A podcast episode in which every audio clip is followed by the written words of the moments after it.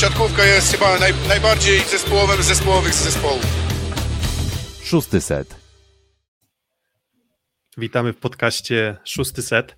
Mm, kontynuujemy już naszą tradycję tegoroczną, że raz na jakiś czas pojawiają się goście, z którymi omawiamy najważniejsze wydarzenia sportowe, ale niestety w tym przypadku to nie będą wydarzenia tylko sportowe, bo z uwagi na przełożone mecze z tytułu no, co ku zaskoczeniu wszystkich COVID-u, będziemy też rozmawiać trochę o kwestiach organizacyjnych, pozasportowych. No a kto lepiej z nami e, będzie mógł powiedzieć i kto więcej będzie mógł powiedzieć na temat tego właśnie em, kwestii organizacyjnych niż dyrektor do spraw komunikacji Polskiej Ligi Siatkówki, czyli Kamil Składowski. E, witamy. Cześć, witajcie, miło mi Was widzieć.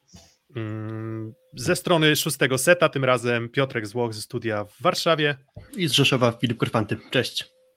Mm, właśnie, to rozpoczniemy może w ten sposób. E, pierwsza runda była rundą hmm, chyba zaskakująco bezproblemową, jeśli chodzi o liczbę przypadków, jeżeli chodzi o to, że w zasadzie od deski do deski, poza dwoma meczami, ale przełożonymi nie z uwagi na COVID, udało się rozegrać pierwsze 13 kolejek e, ligi.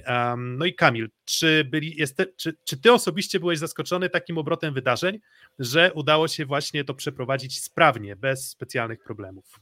To znaczy główna różnica i chyba powód, dlaczego nie mieliśmy żadnego meczu zaległego, to była zmiana, zmiana przepisów państwowych. Y, pamiętacie, przed rokiem było tak, że jakikolwiek przypadek koronawirusa w drużynie wykryty y, i, i taki potwierdzony, czyli tym badaniem, gdzie, gdzie te informacje trafiały do, do tego systemu państwowego, no potem Sanepid kierował na kwarantannę często całą drużynę albo część drużyny.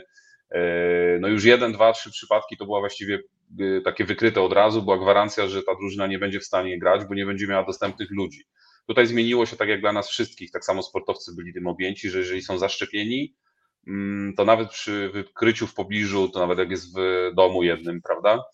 E, w przypadku COVID-u na przykład do współmałżonka czy, czy u dziecka i tak dalej, e, jeżeli była osoba zaszczepiona i nie miała żadnych objawów, no to czy, czy generalnie w ogóle nie była objęta kwarantanną, tak? E, I tutaj e, no, większość siatkarzy, zdecydowana większość siatkarzy, prawie wszyscy siatkarze są zaszczepieni. E, teraz była też taka akcja od naszych specjalistów, bo o tym COVID-zie ja Wam będę próbował przybliżyć, ale ja oczywiście się nie znam na covid i no tak jak pewnie cała Polska się gdzieś tam zna w internecie, ale to mamy dwóch specjalistów, doktora Krzywańskiego i e, doktora e, Kuchara, to, to, to są znani już jakby w Polsce specjaliści. Oni doradzają, też zajmują się pewnymi przypadkami, mówią co w konkretnych sytuacjach, już w zeszłym sezonie z nami byli i dużo uratowali, że ten sezon żeśmy dograli. Mm, no w tym sezonie było łatwiej, bo tak jak mówię, mieliśmy przypadki COVID-u przecież w drużynach od początku sezonu, gdzieś tam w jakimś listopadzie, w grudniu, ale te przypadki E, była ta jedna sytuacja, chociażby pamiętacie, z GKS-em Katowice, który mhm. E, grał tam mecz e, mocno osłabiony, ale spełnił się ten przepis ośmiu zawodników. Mhm. musieli zagrać ten mecz. Ja tak uważam już po tym półtora sezonu, powiedzmy, że ten przepis wymyślony wspólnie z klubami, zaakceptowany przez prezesów, chyba jest takim optymalnym rozwiązaniem, gdzie chęć do grania ligi, no jakieś minimalne chociaż warunki sportowe, żeby ten mecz, chociaż większość tych meczów w takim dużym osłabieniu, no nie były jakieś super zacięte, ale ligę dograliśmy, a nie było tak jak chociażby we Włoszech, gdzie są walkowery, więc oceniam mhm. to mimo wszystko w bardziej sportowym duchu. Stąd no, dojechaliśmy do momentu, kiedy, kiedy no, nie pojawiły się przypadki więcej niż jeden czy dwa, a wykryte też niektóre były no, nie, nie, do końca, nie do końca przez jakieś tutaj specjalne procedury, ale chociażby podejrzewam, że przy okazji testowania się przy lidze e, mistrzów mamy teraz przypadek mhm. PG Skrybeł Chatów, w której nikt nie czuł się jakoś źle, żeby cokolwiek się działo. E, mhm. Lecąc na mecz zrobili, no teraz grają właśnie w tym momencie mecz w jakimś e, super osłabionym składzie. Mm, wcześniej projekt Warszawa wykrył. No te ostatnie rzeczy, to co się zadziało, to tak z tego co muszą, mówią nasi specjaliści, no to wszystko wskazuje, biorąc pod uwagę, kiedy się to zaczęło dziać, no to jest pochodna no Sylwestra, krótko mówiąc, to, że ludzie się spotykali z innymi, mhm. e, gdzieś spędzali razem czas i, i podejrzewam, że tak samo część sportowców to zrobiła. No i stąd potem pojawiły się te przypadki. Na razie kilka przełożonych meczów. No i oby, oby, oby, że tak powiem, na tym się strachu zakończyło, ale biorąc pod uwagę pandemię koronawirusa, no to jak ktoś dzisiaj powie, że nie wiem, nie ma ryzyka, czy, czy nie ma zagrożenia, no to musiał, musiałby być chyba mhm. ślepcem. No, to ryzyko będzie, no myślę, co najmniej tam gdzieś do końca marca.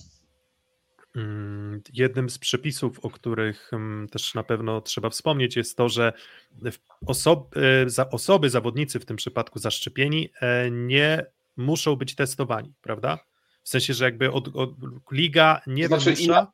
Właśnie, jak, jak, wygląda, jak wygląda sytuacja testowania osób e, zaszczepionych czy za, no, już, zawodników? Już tłumaczę. No, oczywiście w naszych tam procedurach i jakby w konsultacjach z z, z tymi naszymi doktorami, którzy są specjalistami, no tam jest powiedziane, że oczywiście w przypadku pojawienia się objawów, no to jest moment, kiedy odstawiasz kogoś od, od drużyny najszybciej jak to możliwe, sprawdzasz, testy są dzisiaj dostępne, wiecie dobrze sami, że można kupić nawet w popularnych marketach te, te testy, gdzie samemu można wymazać sobie to z nosa, sprawdzić e, w ciągu dosłownie 15 minut, 20, czy coś się nie dzieje. No w większości wypadków te testy coś tam nam pokazują.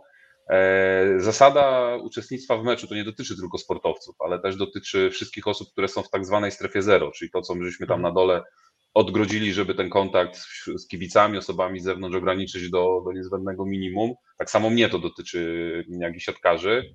Żeby być tam na dole, trzeba mieć albo ważny certyfikat covidowy, czyli to dotyczy komisarzy, sędziów, yy, osoby pełnoletnie, czyli tam powiedzmy z podawaczami piłek Mm, jest inaczej, wiadomo, dzieciaków jeszcze u nas chyba dopiero się zaczęły jakieś szczepienia e, dla nich, ale generalnie ten certyfikat obowiązuje, jeżeli zawodnik, czy na przykład ja, czy ktokolwiek inny pracujący w strefie zero byłby niezaszczepiony, to wtedy ma obowiązek przed każdym meczem, kiedy jest w strefie zero i musi w niej być, powiedzmy, e, to wtedy musi pokazać e, ważny wynik testu z laboratorium, tak jak powiedzmy się leci samolotem, czy się gdzieś chce wjechać do jakiegoś kraju, tak? Więc nie ma na ten moment w naszych zawodowych ligach e, obowiązku szczepienia, że ktoś musi być zaszczepiony, no ale mhm. jeżeli nie jest zaszczepiony, to musi pokazać e, wynik testu za każdym razem, kiedy, kiedy uczestniczy w tym wydarzeniu sportowym w strefie zero, bo jeżeli tak jak dziennikarze wiecie, przychodzą na nasze mecze i są poza strefą zero, czyli siedzą za bandami czy gdzieś tam na trybunach, no to my tego obowiązku nie wprowadzaliśmy. Tak samo dotyczy to kibiców. Okay, czy możesz coś powiedzieć oprócz tego o tej zasadzie ośmiu zawodników zdrowych do gry, w tym przynajmniej jeden rozgrywający? Czy coś oprócz, znaczy to się nie zmieniło, ale czy coś się zmieniło względem poprzedniego sezonu jeszcze? Nie, to są, to są kluczowe rzeczy, to co ja mówiłem, że zmieniły się zasady państwowe. Czyli to, że jeden przypadek COVID-u czy dwa wykryte, podane do jakby publicznej wiadomości nie powodują tej kwarantanny to wpłynęło na mhm. to, że mogliśmy grać, bo gdyby jeden, no umówmy się, że jeżeli w drużynie, nie wiem, jest przypadek COVID-u, no to jest wielce prawdopodobne, że jest szansa, że ten COVID mógł się gdzieś tam e, roznieść. Chłopcy są w szatniach, e, w autokarach, jedzą razem posiłki, śpią w hotelach, tak? No czasami ten COVID jest wykryty wcześniej e, i nie wiem, ktoś złapał od dzieci, z domu, od, od znajomych, gdzieś tam jeszcze nie zdążył się rozejść, więc no, kluby kluby z tego co widzę, przy każdej jakiejkolwiek wątpliwości, no teraz mieliśmy taką samą sytuację po meczu w Warszawie, gdzie później już po meczu okazało się, że, że w projekcie są jakieś przypadki COVID-u, no to od razu drużyna z Radomia się testowała. E, no i później za jakiś tam moment, no tylko e, trzeba mieć świadomość taką, no nie testuje się, rzadko się testuje poza takimi wymogami, nie wiem, przed CEW-em, przed Ligą Mistrzów, osoby zdrowe, które nie mają żadnych objawów. To jest trochę, mhm. Mm, e, trochę bezcelowe takie testowanie. No, możemy te testy robić w koło co tydzień, ale to nie zawsze się też trafi. E, najczęściej testuje się te osoby, kiedy pojawią się objawy. No, wtedy jest podejrzenie o tym, że ktoś może być chory, a, a testy wyłapują ten COVID w momencie, kiedy, kiedy są objawy. No, tak to najczęściej działa. E, więc te drużyny, które gdzieś cokolwiek się dzieje, no to się testują. To rzeczywiście jest pilnowane, ale tak jak mówię, no, takich realnych szans na, na to, żebyśmy się od tego COVID-u uwolnili, no to trzeba byłoby zrobić koszary, nikogo nie no, nierealne zupełnie rzeczy, nikt tego na mhm. świecie nie robi, a ja obawiam się, że jakbyśmy zamknęli siatkarzy czy siatkarki, nie wiem, na miesiące ze sobą w jakichś ośrodkach, no to byłoby więcej chorób psychicznych niż, niż pożytku z takiego grania. Um, wiesz co, bo tak w zeszłym sezonie, jeżeli dobrze pamiętam, testy były obowiązkowe zawsze przed meczem, prawda? Jeżeli, do, jeżeli dobrze pamiętam, tak? Przed... Chyba w jakimś tam późniejszym momencie, ale, ale nie pamiętam, żeby one były obowiązkowe przed meczem. Chyba w tak, pewnym bo... momencie tak było rzeczywiście w drugiej części po tych przypadkach covidowych. Tak, bo dopytuję, mm, bo chyba możemy się zgodzić, że nie jesteśmy ekspertami, ale chyba już jasno widzimy, że jest to czarno, czarno na białym, widoczne w naszym otoczeniu, że osoby zaszczepione też mogą COVID przechodzić też mogą COVID Tak, tak, roznosić, tak. Też, mogą, też mogą przenosić. Więc dlatego właśnie pytanie, trochę nasuwać też tutaj e, historia m, na przykład Grzesia Pająka, tak, który tam niby zaszczepiony, ale chorował, czuł się źle, w końcu przetestowany, okazało się, że jest to COVID, to czy doszły do ciebie jakiekolwiek słuchy a propos tego, że może część drużyn, nie wiem, miałaby jednak zawodników, którzy mieliby objawy, które mogłyby wskazywać na COVID, a jednak po prostu odizolowywała ich i na przykład nie testowała oficjalnym testem PCR, żeby, mm, żeby uniknąć kwarantanny też, tak? No bo, bo zawodnik może, nie wiem, po 3-4 dniach dojść do siebie, a w przypadku kwarantanny byłoby to dni na przykład 10. No wiesz co, no, y, trudno, trudno mi się na takie coś wypowiadać, co, co robią kluby. No każdy tutaj odpowiada, każdy ma kontakt z tymi chłopakami na bieżąco. Wiadomo, że z, y, jakby z COVID-em jako takim no nie ma żartów. To znaczy, jeżeli ktoś jest chory, ma objawy, ma gorączkę, no to musi ileś dni spędzić w łóżku, czy przynajmniej powinien. Ja wiem, że to są młodzi, młodzi ludzie, zdrowi z reguły. Żaden jeszcze siatkarz przez cały poprzedni sezon, co najważniejsze, nie, nie, nie odniósł jakiejś E, jakiegoś dużego uszczerbku na zdrowiu, czy już nie daj Boże, nie wiem, zmarł, ale no to, to nie są takie rzeczy, żebyśmy sobie mogli jakoś ręcznie sterować. E, trudno mi powiedzieć, no my, my poruszamy się zawsze, e, zawsze w obrębie i takie były przyjęte te zasady. Mówicie o tych ośmiu, jak mówiliśmy o tej zasadzie ośmiu zawodników, czy jak się chociaż ma jednego rozgrywającego w tej ósemce, to to, żeby taki mecz przełożyć z urzędu, mówimy o przełożeniu z urzędu, czyli klubowi po prostu przysługuje i, i nie musi się o to wtedy prosić.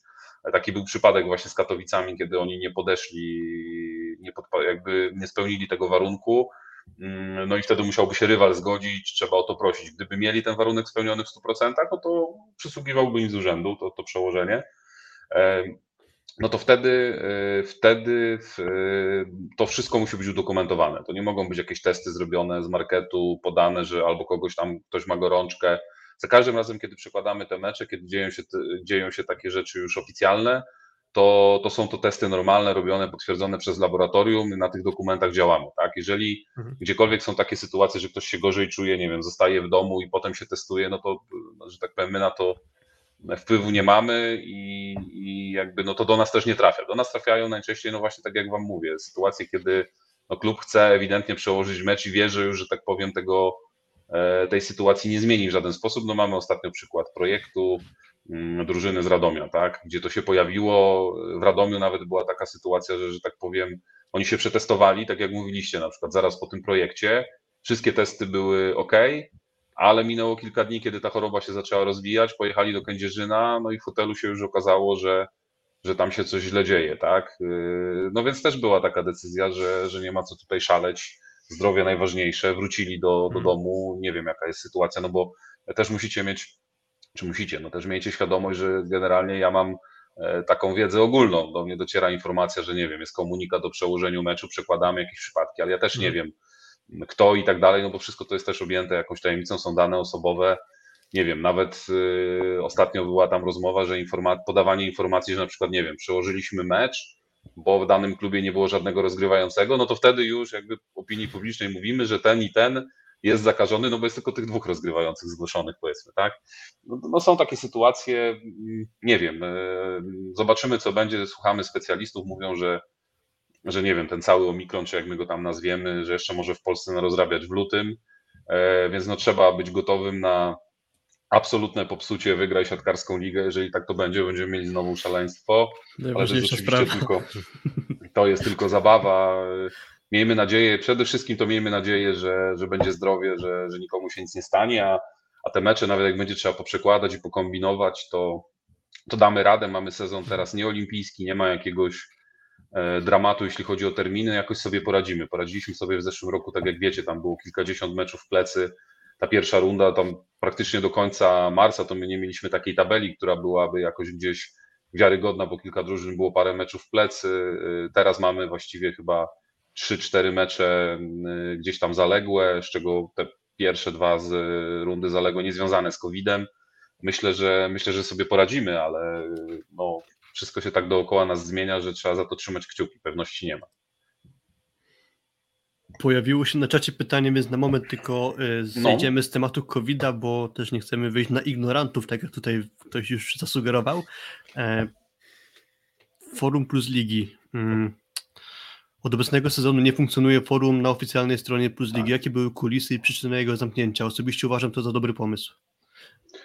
No, jakby to były moje, moje plany zamknięcia tego forum już od właściwie od początku, jak pracowałem. Mało było tam merytoryki, dużo agresji, e, często hamstwa, e, obrażania nawzajem ludzi wszelakich, tych, którzy tam pisali. No, ja musiałbym mieć jako szef redakcji osobę, która by na tym forum rzeczywiście moderowała, czyli siedziała 24 godziny na dobę, kasowała te wpisy, wyrzucała, bo wiecie, no, można napisać, że tam Składowski jest głupi, okej, okay, mnie jakoś tam specjalnie nie rusza, czy tam, nie wiem, się komuś nie podobam, ale było bardzo dużo przemocy y, takiej słownej, obrażania, już naprawdę jakiegoś y, daleko idącego hamstwa. No nie wiem, może dla wielu osób to, wielu to mam nadzieję, że nie, ale dla części osób to jest jakby taki normalny sposób rozmawiania w internecie. No dla mnie nie był. Nie widziałem długo y, sensu, żeby na oficjalnej stronie rozgrywek takie forum w tej e, formie utrzymywać. No, szefowie też długo się nie chcieli dać namówić na wyłączenie tego forum, bo e, no też chcieli, żeby powiedzmy jakaś forma dyskusji gdzieś była, ale, ale no, na ten moment, na ten moment to forum jest wyłączone, o ile nie będziemy, nie wiem, mieli kogoś, kto by się takim forum zajął, ale ja nie ukrywam, że lubię wolność, lubię, żeby osoby miały możliwość podyskutowania, nawet pokłócenia się, czy tam gdzieś powiedzmy, nawet gdyby te osoby się obrażały merytorycznie, że nie wiem, kibic jednej drużyny z kibicem drugiej drużyny i to tak jak często w piłce nożnej jest, nie wiem, chociażby mogą być fajne akcje, nie wiem, jak taki chłopak w Łodzi pisał po murach śmieszne rzeczy na ŁKS i widzę w, e, śmieszne hasła, to na przykład było tak, super. Że tak, rob, robi, robi herbatę z wody po pierogach na przykład. Tak, tak? albo że tam chyba ŁKS myśli, że in vitro to pizzeria, czy coś takiego, tak? No, tak, dokładnie. Jest zabawne, fajne, gdzieś tam nawet w jakimś stopniu połączyło te kluby trochę w humorze i, i dużo można tolerować, ale jeżeli sami wchodziliście na to forum, no to przyznacie chyba, że e, no było tam dużo treści, które no, trzeba byłoby tak naprawdę usuwać w nieskończoność i no też y, mieliśmy tam jakieś zabezpieczenia takie kiedyś, jak to forum było tworzone, jeszcze mnie nie było wtedy w PLS-ie, y, typu blokowanie jakiegoś adresu IP, jakieś tam użytkowników i tak dalej, no ale czasy się zmieniły. Dzisiaj są już systemy, że adres IP możesz sobie zmieniać płynnie, to, to już nie działało i trzeba byłoby to wszystko ręcznie wywalać, więc e, no uznałem, że po prostu no nie będziemy walczyć z wiatrakami, nie mamy mocy przerobowych i i po prostu wyłączymy to, to forum, żeby, żeby tą agresję. Zresztą słuchajcie, to nie jest tak, że to była tylko moja, ale rzeczywiście dostawałem, to może nie tak jak niektórzy, że codziennie po 7 maili, ale zdarzały się rzeczywiście w miesiącu raz, drugi, trzeci, czy jakiś telefon, e, czy jakiś mail, czy my zrobimy z tym wreszcie porządek. E, tu dzwoniły czasami nawet, nie wiem, siatkarki, czy jacyś agenci, czy, czy ktoś z rodziny, że dlaczego tam jest tak napisane. Często tam były jakieś bardzo prywatne sprawy, takie które raczej nie powinny gdzieś tam ujrzeć, ja nie wiem zresztą czy prawdziwe, więc no uznaliśmy za dużo, że tych rzeczy jest i, i lepszym rozwiązaniem będzie brak tego forum, choć no z jakiejś, jakaś tradycja gdzieś tam zaginęła, no ale no innego wyboru ja uważałem, że nie ma i zaskoczyło mnie to też y, to, że po wyłączeniu tego forum na przykład no jakoś nie było na ten temat nawet głośno, bo ja się spodziewałem, że rzeczywiście może się pojawić jakieś sporo komentarzy, do mnie. Nikt nie napisał, że, że jest wyłączone, E, to, to jest jakby pierwsze to pytanie, więc myślę, że chyba część osób też była zmęczona tym, co tam, co tam się pojawiało, bo, bo widziałem, że dużo ludzi się frustruje, no, że takie treści gdzieś tam są. Mhm. Wracając trochę do tematu COVID-a. Mm, powiedziałeś przy tym, że macie kontakt ze specjalistami dotyczącymi e, tej sprawy i ja jestem ciekawy, trochę to wyjaśniłeś przedtem, ale może są jeszcze jakieś dodatkowe sprawy. Około połowy grudnia zaczęła się pogarszać znacząco sytuacja we włoskiej lidze, gdzie tam już jest na ten moment ponad 20 spotkań przyłożonych. E, teraz w tym tygodniu nie dojdzie do połowy zaplanowanych spotkań w siatkarskiej Lidze Mistrzów Facetów, no i zaczęły się pojawiać przełożenia spotkań w Plus Lidze, czyli mniej więcej od połowy grudnia ruszyła taka ostra fala, gdzie tych spotkań jest dużo poprzekładanych. Co Twoim zdaniem może właśnie wpływać na to, że to się zaczęło około połowy grudnia i taka fala ruszyła? Oprócz tego, co powiedziałeś, że Sylwester na przykład. Nie, no ja myślę, że to y, nie wolno, nie ma co w ogóle sportu wyłączać z reszty naszego życia. Y, większość siatkarzy, siatkarek y, grających w klubach żyje powiedzmy normalnie, czyli ich praca trochę inaczej wygląda, że oni idą na poranny trening, jedzą obiad z drużyną, idą na wieczorny trening, ale w międzyczasie idą do sklepu, mają dzieci, które chodzą do szkół czy do przedszkoli, mają rodzinę, spotykają się gdzieś z ludźmi. Ja myślę, że to, co się dzieje w lidze włoskiej, odzwierciedla też liczbę, czy pewnie sytuację we Włoszech. Być może ten, ten nowy wariant był, jest go jeszcze więcej niż w tym momencie w Polsce. Trudno mi powiedzieć, ja tu nie jestem specjalistą, ale na pewno na pewno z pokorą trzeba powiedzieć, że żadna liga na świecie, liga, co mówimy, no żaden sport nie jest gotowy na to, żeby powiedział, że, że sobie poradzi z koronawirusem w znaczeniu, że nie będzie zakażeń, że nie będzie przełożonych meczów, że nie będzie kłopotów z terminarzem. No nie, jeżeli ten, ten wirus się rozchodzi i, i ludzie, mm, tak jak wiecie, czy są zaszczepieni, czy nie są zaszczepieni, to, to po prostu też yy, go mają. To główna chyba różnica z tego, co ja, jak ja to rozumiem, to jest kwestia E, przechodzenia tego, tego wirusa, że osoby zaszczepione po prostu są przeziębione, są gdzieś w domu e, i szybciej wracają, tak, z reguły, mm, no to nie ma na to, nie ma na to metody. I, I, tak jak mówisz, jeżeli w grudniu tam było więcej, a powiedzmy tych więcej przypadków jeszcze przyjdzie do Polski, to jest bardzo prawdopodobne, że tych, że więcej jeszcze przypadków będzie w drużynach, tak? Jak mówicie o testowaniu, no jeżeli gdzieś jest wykryty przypadek, są ludzie testowani, ale z reguły z reguły wszystkie te, te informacje pokazują, że tak naprawdę rozwój, ewentualny rozwój choroby u innych ludzi to jest po kilku dniach. 3, 4, 5 dni i wtedy można się dopiero testować i sprawdzać, czy, czy ludzie zachorowali. Poza tym no nikt tak naprawdę do dzisiaj nam nie wytłumaczył, dlaczego jedne osoby przebywające z chorymi zachorują, inne nie zachorują. No więc to tak samo jest w tych drużynach jak, jak wśród, wśród ludzi. Więc jeżeli się będzie w Polsce ta sytuacja pogarszała, to na pewno będzie się pogarszała w sporcie, no bo ci ludzie nie są oderwani od życia mają swoje rodziny, mają swoje domy, mają swoich znajomych. Oczywiście wiadomo, że taki sportowiec powinien uważać, e, może tam, gdzie nie powinien, czy, czy, czy może gdzie jest większe ryzyko, jak najrzadziej być, ale z drugiej strony, no ja myślę, że e, no ja mówię, no nikt z tych sportowców nie zamknie się w domu na cztery spusty, nie wiem, i będzie e, i będzie siedział w odosobnieniu, to jest właściwie nierealne, no nie wiem, no tak jak mówię, ludzie mają dzieciaki, one chodzą do przedszkola, do szkoły, rozmawiając z wieloma osobami, no to brak tej edukacji dla dzieciaków, kontaktu z innymi, no jest jakąś, jakąś tragedią, więc no, też nie można wymagać sportowców, nie wiem, że jak oni grają zawodowo, to nagle dzieci czy kogoś pozamykają się, to jest nierealne, więc to, co się dzieje na zewnątrz, jesteśmy od tego w 100% zależni.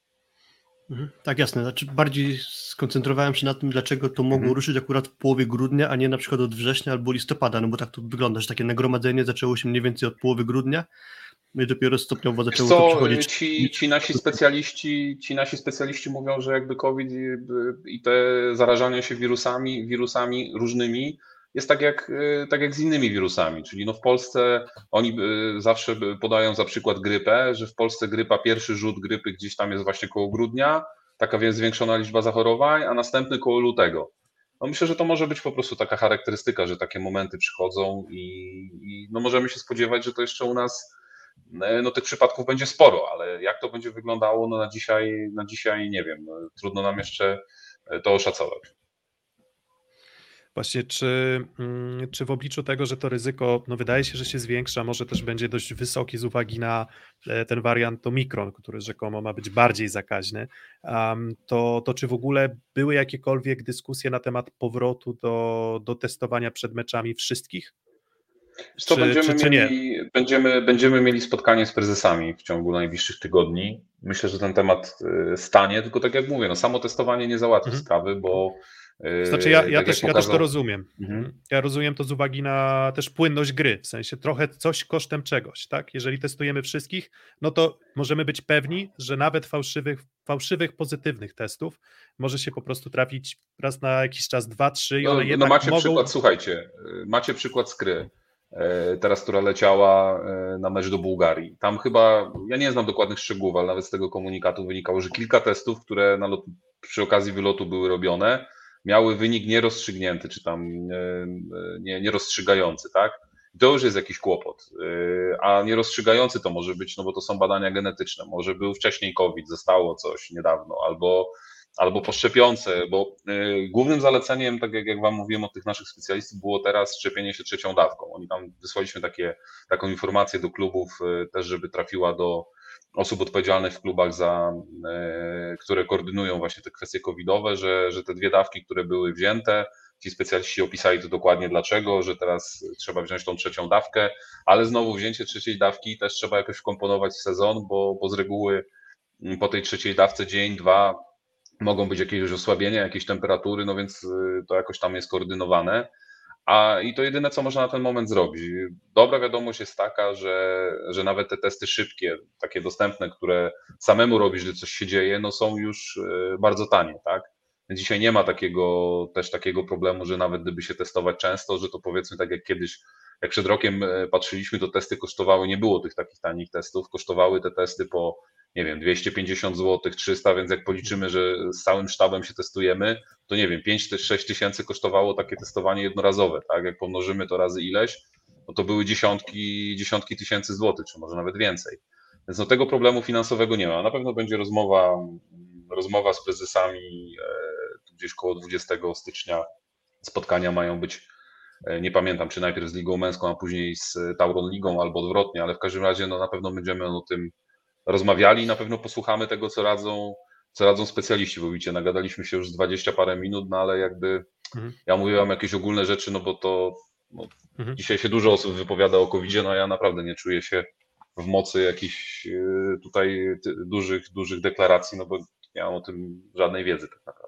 Mhm. Znaczy staramy się jakby pozostawać w ramach plus ligi, czyli tego, co konkretnie się dzieje z przepisami i, i, tak dalej. Właśnie dlatego stąd to pytanie, czy chociażby ten przepis o ośmiu zdrowych graczach i rozgrywającym obowiązuje dalej, czy nie. on się nie zmienił, on się nie zmienił. On jest, ja myślę, że on jest niezły. No, nie wiem, czy jest idealny, ale uważam, że jest niezły. Mhm. Uważam, mamy przypadek... że jest niezły po... Mhm, no mów, mów. Znaczy mamy przypadek na przykład dzisiaj z VB Friedrichshafen, gdzie trzech graczy było zakażonych, a na kwarantannę w Niemczech wysłali całą drużynę i stąd ten problem, że Jastrzębie może ewentualnie nie zagra w czwartek, ale wychodzi, że zagra, więc tam mają inny przepis, czy sensowniejszy, to mi się nie wydaje, ale Niemcy może zostawmy, bo, bo to zaraz zejdziemy kompletnie z tematu. Mm, mhm. Wracając trochę jeszcze do Plus Ligi, to chciałem się zapytać, bo wiemy o tym, że kilka meczów zostało przełożonych, między innymi właśnie ten mecz Radomia i Warszawy, a z kolei w niedzielę zagra Asekoresowiec ze Strzemskim Węglem, to będzie mecz w Jastrzębiu, ten rewanżowy. Czy mógłbyś trochę powiedzieć o kulisach tego wydarzenia, że tak powiem, bo czy to był jakiś narzut ze strony PLS-u, czy może inicjatywa jednego z klubów, żeby tak zrobić? E, pamiętacie poprzedni sezon? Tam rzeczywiście było tak, że to nie tylko były przekładane mecze, ale były takie dziury, e, dziury w transmisjach telewizyjnych, że, że wypadało kilka meczów z kolejki. E, no i staraliśmy się zawsze zawsze to jakoś uzupełnić. Wtedy było więcej na przykład transmisji na Polsacie pierwszej ligi, Tauron pierwszej ligi, trochę więcej meczów kobiecych, e, tak żeby w telewizji siatkówka była, nawet jak nie graliśmy tych meczów i to oczywiście w jakimś stopniu e, no nie było to, co, co kibice chcieli najbardziej, ale, ale myślę, że z dobrym się odbiorem spotkało. Tutaj z tego, co ja, jakie otrzymałem informacje, bo nie mam jakiejś pełnej wiedzy, ale z tego, co pamiętam, to chyba jeden z klubów zaproponował takie rozwiązanie, drugi klub się zgodził. Może to było też z inicjatywy naszego działu rozgrywek, nie wiem, ale na pewno wiem, że no zrobiło się okienko w niedzielę o 14.45, więc y, no taki czas, kiedy z reguły są największe, najlepsze oglądalności siatkówki w sobotę, w niedzielę 14.45. No i złożyło się tak szczęśliwie, że i Jaseko Rysowia, i Jastrzębski Węgiel no, musiały jednocześnie pauzować ze względu na to, że wypadli, mm, wypadli rywale i no fajnie, że te że w takiej sytuacji kluby, no bo wiecie jak to jest, trener pewnie ma jakiś mikrocykl, tu się szykuje na konkretnego rywala, tu zaraz nie wiadomo, czy lepiej teraz grać za Sekoresowią, która na przykład e, wygrywa, czy Jastrzębiu to pasuje, a może teraz lepiej zagrać i tak dalej. Te klocki zawsze wiadomo, że w siatkówce też e, sztaby gdzieś tam sobie e, układają, ale tutaj obie drużyny wyraziły zgodę, grają ten mecz, no jakby jeden już awansem, więc, więc też gdzieś tam potem może będzie trochę luźniej. E, to fajne, zresztą ja też się cieszę, bo, bo na ten mecz pojadę, no to szykuje się bardzo ciekawe spotkanie e, w Jastrzębiu, no i przede wszystkim nie wiem, może też decyzja klubu wynikała, bo jeszcze nie rozmawiałem, będę w Jastrzębiu, to właśnie popytam, ale może wynikała z tego, że nie chcieli przerwy, chcieli zostać w tym rytmie grania. E, no tak jak mówicie, nie wiadomo, czy to Jastrzębie zagra, czy nie zagra. Widzę, Miszów pewnie zagra, ale gdyby Pewnie zagrało, zagra, z no tego co tam wychodzą komunikaty, to zagrają. Natomiast ja nie chciałem okay. ci przerywać, ale, ale to co ty mówisz, to konkretnie trener Mendes po meczu ostatnim z GKS-em Katowice powiedział, że cieszy się z tego, że będą mieli dłuższą przerwę, bo już było wiadomo, Aha. że nie zagrają z Radomiem, że będzie miał czas, żeby wprowadzić swój system blog obrony, trochę więcej potrenować, więc jemu ta przerwa akurat była na rękę. Po czym mija niedużo czasu i się okazuje, że ten mecz jest mm, włożony właśnie Jastrzębia w niedzielę, czy z Jastrzębiem w niedzielę. I konkretyzując pytanie, czy jest taka możliwość, że ten mecz został Rysowi narzucony, czy nie? Czy Rysowia musiała się zgodzić, jeżeli by się nie, Nie, zgodziła? nie, nie, tego no nie narzucania, było? narzucania na pewno nie było. Narzucania na pewno nie było. Może ta późniejsza przerwa, która będzie w, za dwie kolejki, jeżeli dobrze pamiętam, ten chyba mecz miał być w 18. Może wtedy będzie pasowało trenerowi. Nie wiem, co kierowało jakby dokładnie drużynami. No wiem, że wiem, że nie było z tego, co, co ja przynajmniej miałem informację, to nie było tutaj jakiegoś takiego zagadnienia, że, że byłoby to jakoś kontrowersyjnie. Obie strony się zastanowiły i, i ten mecz zostanie rozegrany jakby awansem, więc, yy, więc no, no fajnie, ja się cieszę, że nie ma dziury, a, a myślę, że też może być taka sytuacja, że jak ktoś pogra awansem, to akurat nam pomoże później, e, no bo nie wiemy, co będzie tak naprawdę, co jest przed nami. Tak, i jeszcze, jeśli Piotrek pozwolisz, kolejne moje jedno pytanie. Trochę odwracając tę sytuację, to chciałbym wrócić do tej przerwy świąteczno-noworocznej, bo tam z kolei była 13 kolejka i dwa spotkania kluby sobie przełożyły na zewnątrz, to wygląda, że bez powodu. I zaraz się zastanawiam, czy Nie było sens te spotkania. Nie, nie, tam nie było, tam nie było, y, tam nie było, y, tam na pewno nie chodziło o kwestie covidowe. Nie wiem, jakie były, jakie były przyczyny przełożenia tych meczów. To by trzeba było zapytać. Z reguły, z reguły, jeżeli dwie drużyny, jeżeli dwie drużyny proszą o przełożenie meczu z jakichś względów, czasami jest bardzo prozaiczna kwestia, typu nie wiem, e, coś się dzieje w hali, że nie ma terminu i potem szuka się na, na gwałt e, jakiegoś nowego miejsca, czy nie wiem, jakieś pucharowe obowiązki i tak dalej. Nie wiem, jakie tutaj były, bo to były dwa mecze, dwa mecze są przełożone z tej pierwszej rundy na chyba koniec lutego i, i marzec. Może też, może też miało wpływ właśnie na zgodę na to przełożenie to, że tych meczów zaległych nie było, ale jakie tutaj były konkretne uwarunkowania, to tego, tego nie wiem. Okej. Za chwilę zmienimy temat dyskusji z covid tylko krótkie pytanie z czatu. W takim razie Hubert Handlik, czy pan dyrektor ma Twittera? Mam, mam, no pewnie. No dziwne właśnie, że, że Hubert, jeśli cię to interesuje, to że nie znalazłeś, bo pod twoim imieniem Kamil y, jest bez problemu do znalezienia, jeśli ktoś chce. Kamil Schodowski na Twitterze na pewno znajdziecie. Mam już dosyć długo, tak, dosyć długo. Jakoś y, mniej jestem aktywny, ale, ale trochę mnie zmęczył Twitter, ale, ale jestem, śledzę, czasami jak trzeba, to jestem aktywny. To jeszcze w sumie, tak, kończąc temat COVID-u, jeszcze pytanie, nie wiem, może głupie, może śmieszne, może poważne, ale pytanie z Mhm. czatu już je pokazuje. Czy to prawda, że część zawodników czuje się oszukanych, ponieważ przed szczepieniem byli zapewniani, że nie będą mogli się zarazić i rytm ligi wróci do normalności? W sensie, czy masz jakiekolwiek doniesienia, że ktoś byłby rozczarowany, kwestionowałby, nie wiem, zasadność szczepień? Mówię tutaj wśród osób, które oczywiście przeszły szczepienia, bo ci, którzy nie przeszli, no to mogą mieć jakieś swoje e, wewnętrzne powody. Nie, no ja takich informacji nie mam. Zresztą myślę, że to jest, y, że to jest pytanie z cyklu, y, no jakby dotyczące nie tylko siatkarzy, tylko pewnie ogólnie ludzi, ale, ale no Mhm. nikt się z taką, z taką rzeczą nie zwraca. Wiem, że mm, to też jakby można powiedzieć, część, e, tak jak w całym społeczeństwie czy na całym świecie są różne do tego podejścia do tego COVID-u. Jedni wierzą, nie wierzą, jedni chcą się szczepić, uważają, że to niezbędne, inni w ogóle nie chcą się szczepić, uważają, że to największa zbrodnia. Ja, mm, e, myśmy zostawili dlatego taką furtkę po uzgodnieniu z prezesami, bo, bo są jakieś gałęzie życia gdzieś na świecie, w różnych państwach, czy w różnym, czy w sporcie, czy gdzieś, gdzie to szczepienie jest absolutnie wymagane i wszystkie osoby są zmuszone do szczepienia się. E, U nas jest zostawiona furtka, że jeżeli ktoś, nie wiem, no, uważa, że się nie chce szczepić, czy że, że e, mimo tej rekomendacji fachowców ma inne zdanie, to może to zrobić, no ale tak jak mówię, za każdym razem, kiedy, jak, czyli krótko mówiąc, jak jakiś siatkarz nie jest zaszczepiony, to przed każdym Mhm. meczem w Plus Lidze, kiedy nim gra, musi pokazać wynik testu, więc musi tych testów narobić pewnie kilkadziesiąt, jest to jak, ale no, że tak powiem, jest to zostawione gdzieś tam, tak, Y, taka furtka, więc czy ktoś jest oszukany, no te szczepienia nie mają nic z nami wspólnego, no to jest jakby kwestia y, ogólnoświatowa, no, służby zdrowia, my, my tylko gramy, tak, więc no, y, takie jakby sygnały do, do mnie przynajmniej osobiście też, szczerze mówiąc, żadnym chyba siatkarzem jakoś nie rozmawiałem o szczepieniach jako takich, czy jak y, może kiedyś, y, może były pytania rzeczywiście przed sezonem. mm, Nie jak wolno pamiętacie, y, Tak, no były pytania, Nie, były no tak. pytania o to, czy szczepienia będą obowiązkowe, tak? Czy, czy będzie przymus szczepień. No to wtedy rzeczywiście były do momentu, kiedy pojawiła się ta informacja, że, że po uzgodnieniu z prezesami, no, rekomendowane są absolutnie szczepienia i, i fajnie, jak, jak osoby się szczepią, ale jeżeli ktoś się nie zaszczepi, no to wtedy grając mecze będzie musiał pokazać ten wynik testu. I wtedy te pytania o COVID jakby się pokończyły. Mm, no dobra, no to chyba w kwestii COVID-u, jeżeli jeszcze macie jakieś pytania, to może już na, na, na sam koniec e, rozmowy postaramy się je zapamiętać i ewentualnie włączyć jeszcze w naszą dyskusję.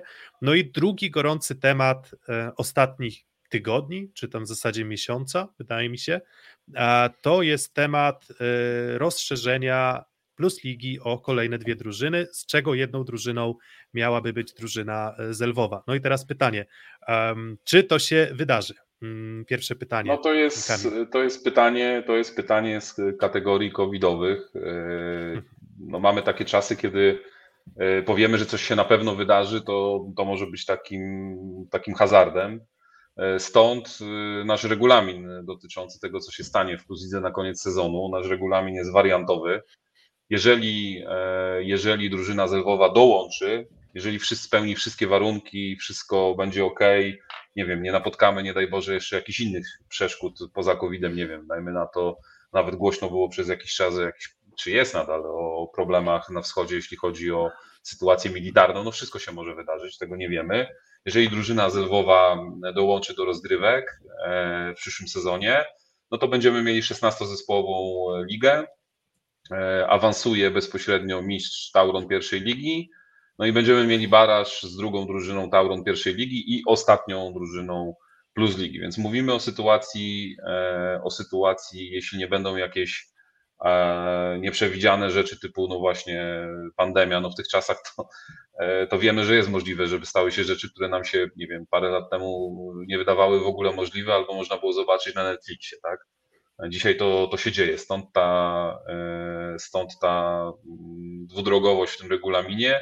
Na ten moment klub z Lwowa złożył wszystkie dokumenty mm, takie, e, które są wymagane przy tych procedurach akcesowych. Jest na bieżąco w kontakcie z zarządem PLS-u, z Radą Nadzorczą. Rada Nadzorcza była w Lwowie, rozmawiała z władzami e, miasta Lwowa, dostała informację o tym, po co ta siatkówka miałaby być w Lwowie, dlaczego im tak bardzo zależy, jakie są plany, bo Lwów ma e, nadal jeszcze e, podobny problem jak Warszawa, jeśli chodzi o nowoczesne obiekty typu hale sportowe, ale no jest też z drugiej strony o, o krok, duży krok do przodu, dlatego że ta nowoczesna superhala w Lwowie jest już w trakcie nie tam jakiegoś projektowania, tylko budowy. E, więc y, ta siatkówka dla Lwowa ma być przyszłością, chcą, chcą się rozwijać, chcą, mm, chcą budować markę, chcą budować duży klub. No wiadomo, że na pewno nie, nie od razu w pierwszym roku zbudują klub, który nie wiem, będzie miał na celu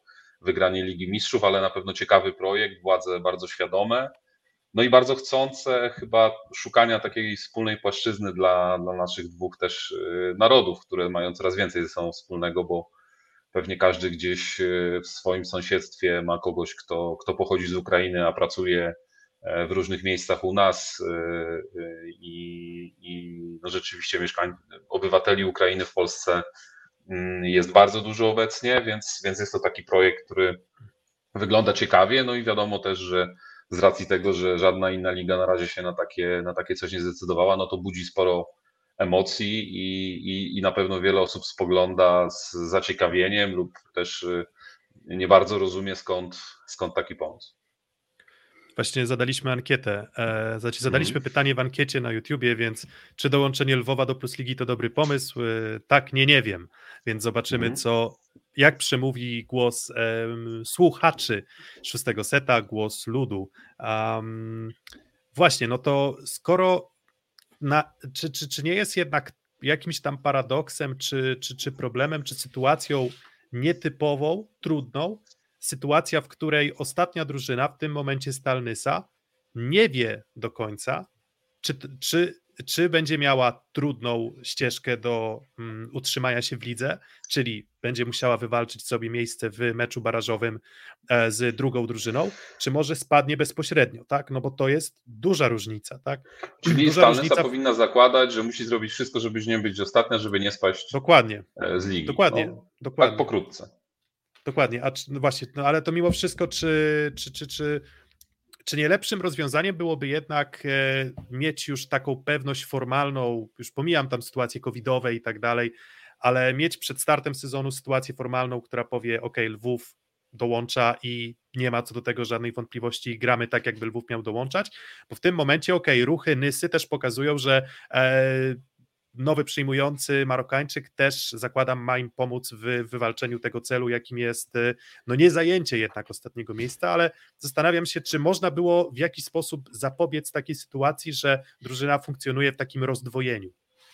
Znaczy, y, wiesz co, y, myślę, że gdyby nie było COVID-u, pandemii i, i, i, takiej niepewności, która się wkradła w nasze życie, to nie byłoby tego podwójnego zapisu i nie byłoby takiej furtki zostawionej. E, I to jest jedyne wytłumaczenie tego zapisu. E, jeśli chodzi o, o drużynę z Nysy, to myślę, że ten transfer też znaczy, że bez względu na to, co to ostatnie miejsce będzie oznaczało, bo przypomnę, że ostatnie miejsce, jeśli to będzie baraż, to też ten baraż trzeba będzie wygrać. I tam w mhm. pierwszej lidze jest parę drużyn, które potrafią grać w siatkówkę i to nie jest tak, że E, ostatnia drużyna z Plus Ligi przyjedzie i sobie gdzieś tam spacerkiem e, wygra z drugą drużyną Tauron pierwszej ligi. Możliwe, że tak się stanie, ale, ale to nie jest już jednoznaczne. E, myślę, że Nysa ten transferem też podkreśla i zresztą zmianą trenera i tym, co się dzieje w klubie, myślę, że też prezes Prygiel no mają ambicje, żeby zrobić coś więcej niż, niż, niż być ostatnim w Plus Lidze bez względu na to, jaka jest ta sytuacja. Tam rzeczywiście E, może ta, ta sytuacja być, e, być nerwowa, ale odwróćmy jakby też sytuację. Zwróćmy uwagę, że oczywiście e, to poszerzenie ligi do 16 drużyn i zagwarantowanie w przypadku wejścia Lwowa do Plus Ligi w przyszłym sezonie, no tego, że bezpośrednio nie ma spadku z Plus Ligi, no to jest też takie jakby zadbanie o interes drużyn z Plus Ligi i pierwszej ligi po to, żeby no rzeczywiście dołączenie drużyny spoza rozgrywek, no bo ona wchodzi zupełnie z zewnątrz, nie było wprost kosztem e, naszych drużyn. Wszyscy przed startem rozgrywek ten system znali. E, wejście e, Lwowa do Plus Ligi w przyszłym sezonie zostało przegłosowane na spotkaniu prezesów klubów Plus Ligi praktycznie jednogłośnie. Wszyscy wiedzieli, że ten system będzie tak, a nie inaczej wyglądał, bo to nie jest tak, że cokolwiek u nas się dzieje. No też macie świadomość, jakby w jaki sposób funkcjonuje PLS. PLS jest spółką, której udziałowcami są po prostu kluby, tak? Więc no też rzadko się bardzo zdarza, żeby zarząd y, mógł sobie pozwolić na robienie jakichś rzeczy absolutnie wbrew swoim udziałowcom. Dodatkowo Rada Nadzorcza, która kontroluje zarząd, no składa się też z prezesów klubów męskiej i kobiecej ligi, tak? Także większość tych rzeczy jest, tych decyzji jest podejmowana wspólnie. Oczywiście nie wszystkie decyzje gdzieś y, powiedzmy są jednogłośnie, ale akurat w przypadku Lwowa y, praktycznie tak było. Y, ten system też został wcześniej wysłany do klubów, zanim on został, że tak powiem, zatwierdzony, więc no wszyscy wiedzieli jak grają, wszyscy wiedzą o co grają, też wszyscy wiedzą rzeczywiście, że jest tutaj w tym systemie jakieś albo albo. No wiedzieli o tym, wiedzą i, i no miejmy nadzieję, że, że nie zadzieje się coś właśnie na przykład z pandemią czy z czymś, co storpeduje te plany, które na ten moment są coraz bardziej realne, bo tak jak Wam mówię, wszystkie te formalności, które do tej pory po stronie Lwowa były do spełnienia, są spełnione, czyli jest zdecydowanie bliżej dzisiaj mhm. Y, ich akcesu do, do Plus Ligi niż było to jeszcze powiedzmy pół roku temu. Rozumiem to na zasadzie, że te kluby wiedziały wcześniej, zagłosowały i z tego głosowania wyszła taka, a nie inna decyzja, ale właśnie jakby z zewnątrz, czyli nie od strony klubów, tylko osób, które się dowiedziały o tym, że Lwów wejdzie do Plus Ligi, pojawiały się takie argumenty, że to jest taki trochę cios w pierwszoligowców. I ty trochę o tym powiedziałeś, ja się z tym zgadzam, że to nie jest do końca taki bezpośredni cios w pierwszoligowców, tylko jest jednak taki trochę zdrowy kompromis zachowany, bo pierwsza drużyna z pierwszej ligi ma zagwarantowane wejście do Plus Ligi, więc ta tak, Plus Liga tak, dla tak, pierwszoligowców tak. nie została zamknięta, ale moje pytanie jest takie, czy w takim razie docierały do Was jako ligi jakieś protesty albo jakieś e, oskarżenia od strony klubów pierwszoligowych, że im się to nie podoba, że wypieliście się na nas albo coś takiego? Którzy, no nie, no, akcjona no, którzy akcjonariuszami nie są, prawda? W sensie, że nie są tak akcjonariuszami, do, my się nimi opiekujemy w znaczeniu Tauron pierwszą ligą od kilku sezonów wcześniej. E, oni e, byli pod, grali pod egidą Polskiego Związku Piłki Siatkowej. E, oczywiście e, no, można na tą sprawę patrzeć w różny sposób. Tak, e, tak stricte matematycznie patrząc, no to wiadomo, że na ten przyszły sezon jakby pierwszoligowcom jest coś dodane, bo w ostatnim sezonie było tak, że był rzeczywiście bezpośredni awans i bezpośredni spadek, teraz jest bezpośredni awans do Plus Ligi, plus jeszcze baraż dla drugiej drużyny, czyli jakby szanse na Plus Ligę mają dwie, a nie jedna drużyna. To jest, to jest oczywiste i, i tak samo ze strony Plus Ligi jest coś dodane, dla, tak jak mówiłeś Filip, że ta ostatnia drużyna nie spada bezpośrednio, tylko ma szansę grać baraż z pierwszoligowcem. No to jest oczywiście ukłon w stronę drużyn, no, które zaakceptowały, tak jak mówicie, i to jest oczywiste, drużynę zupełnie z zewnątrz, która ani nie grała w Tauron pierwszej lidze, ani nie grała w Plus lidze. Może ja powiem dwa zdania e, takie, takie wprowadzające, mm, skąd ta idea w ogóle się zrodziła, czemu ta idea się zrodziła. To generalnie e, ta idea też zrodziła się właśnie chyba ze względu na pandemię, czy w trakcie jej. Pamiętacie dobrze, że w momencie, kiedy Plus Liga miała kłopoty z graniem, ale zaczęła później grać, y, podobne albo większe problemy były w ligach ościennych.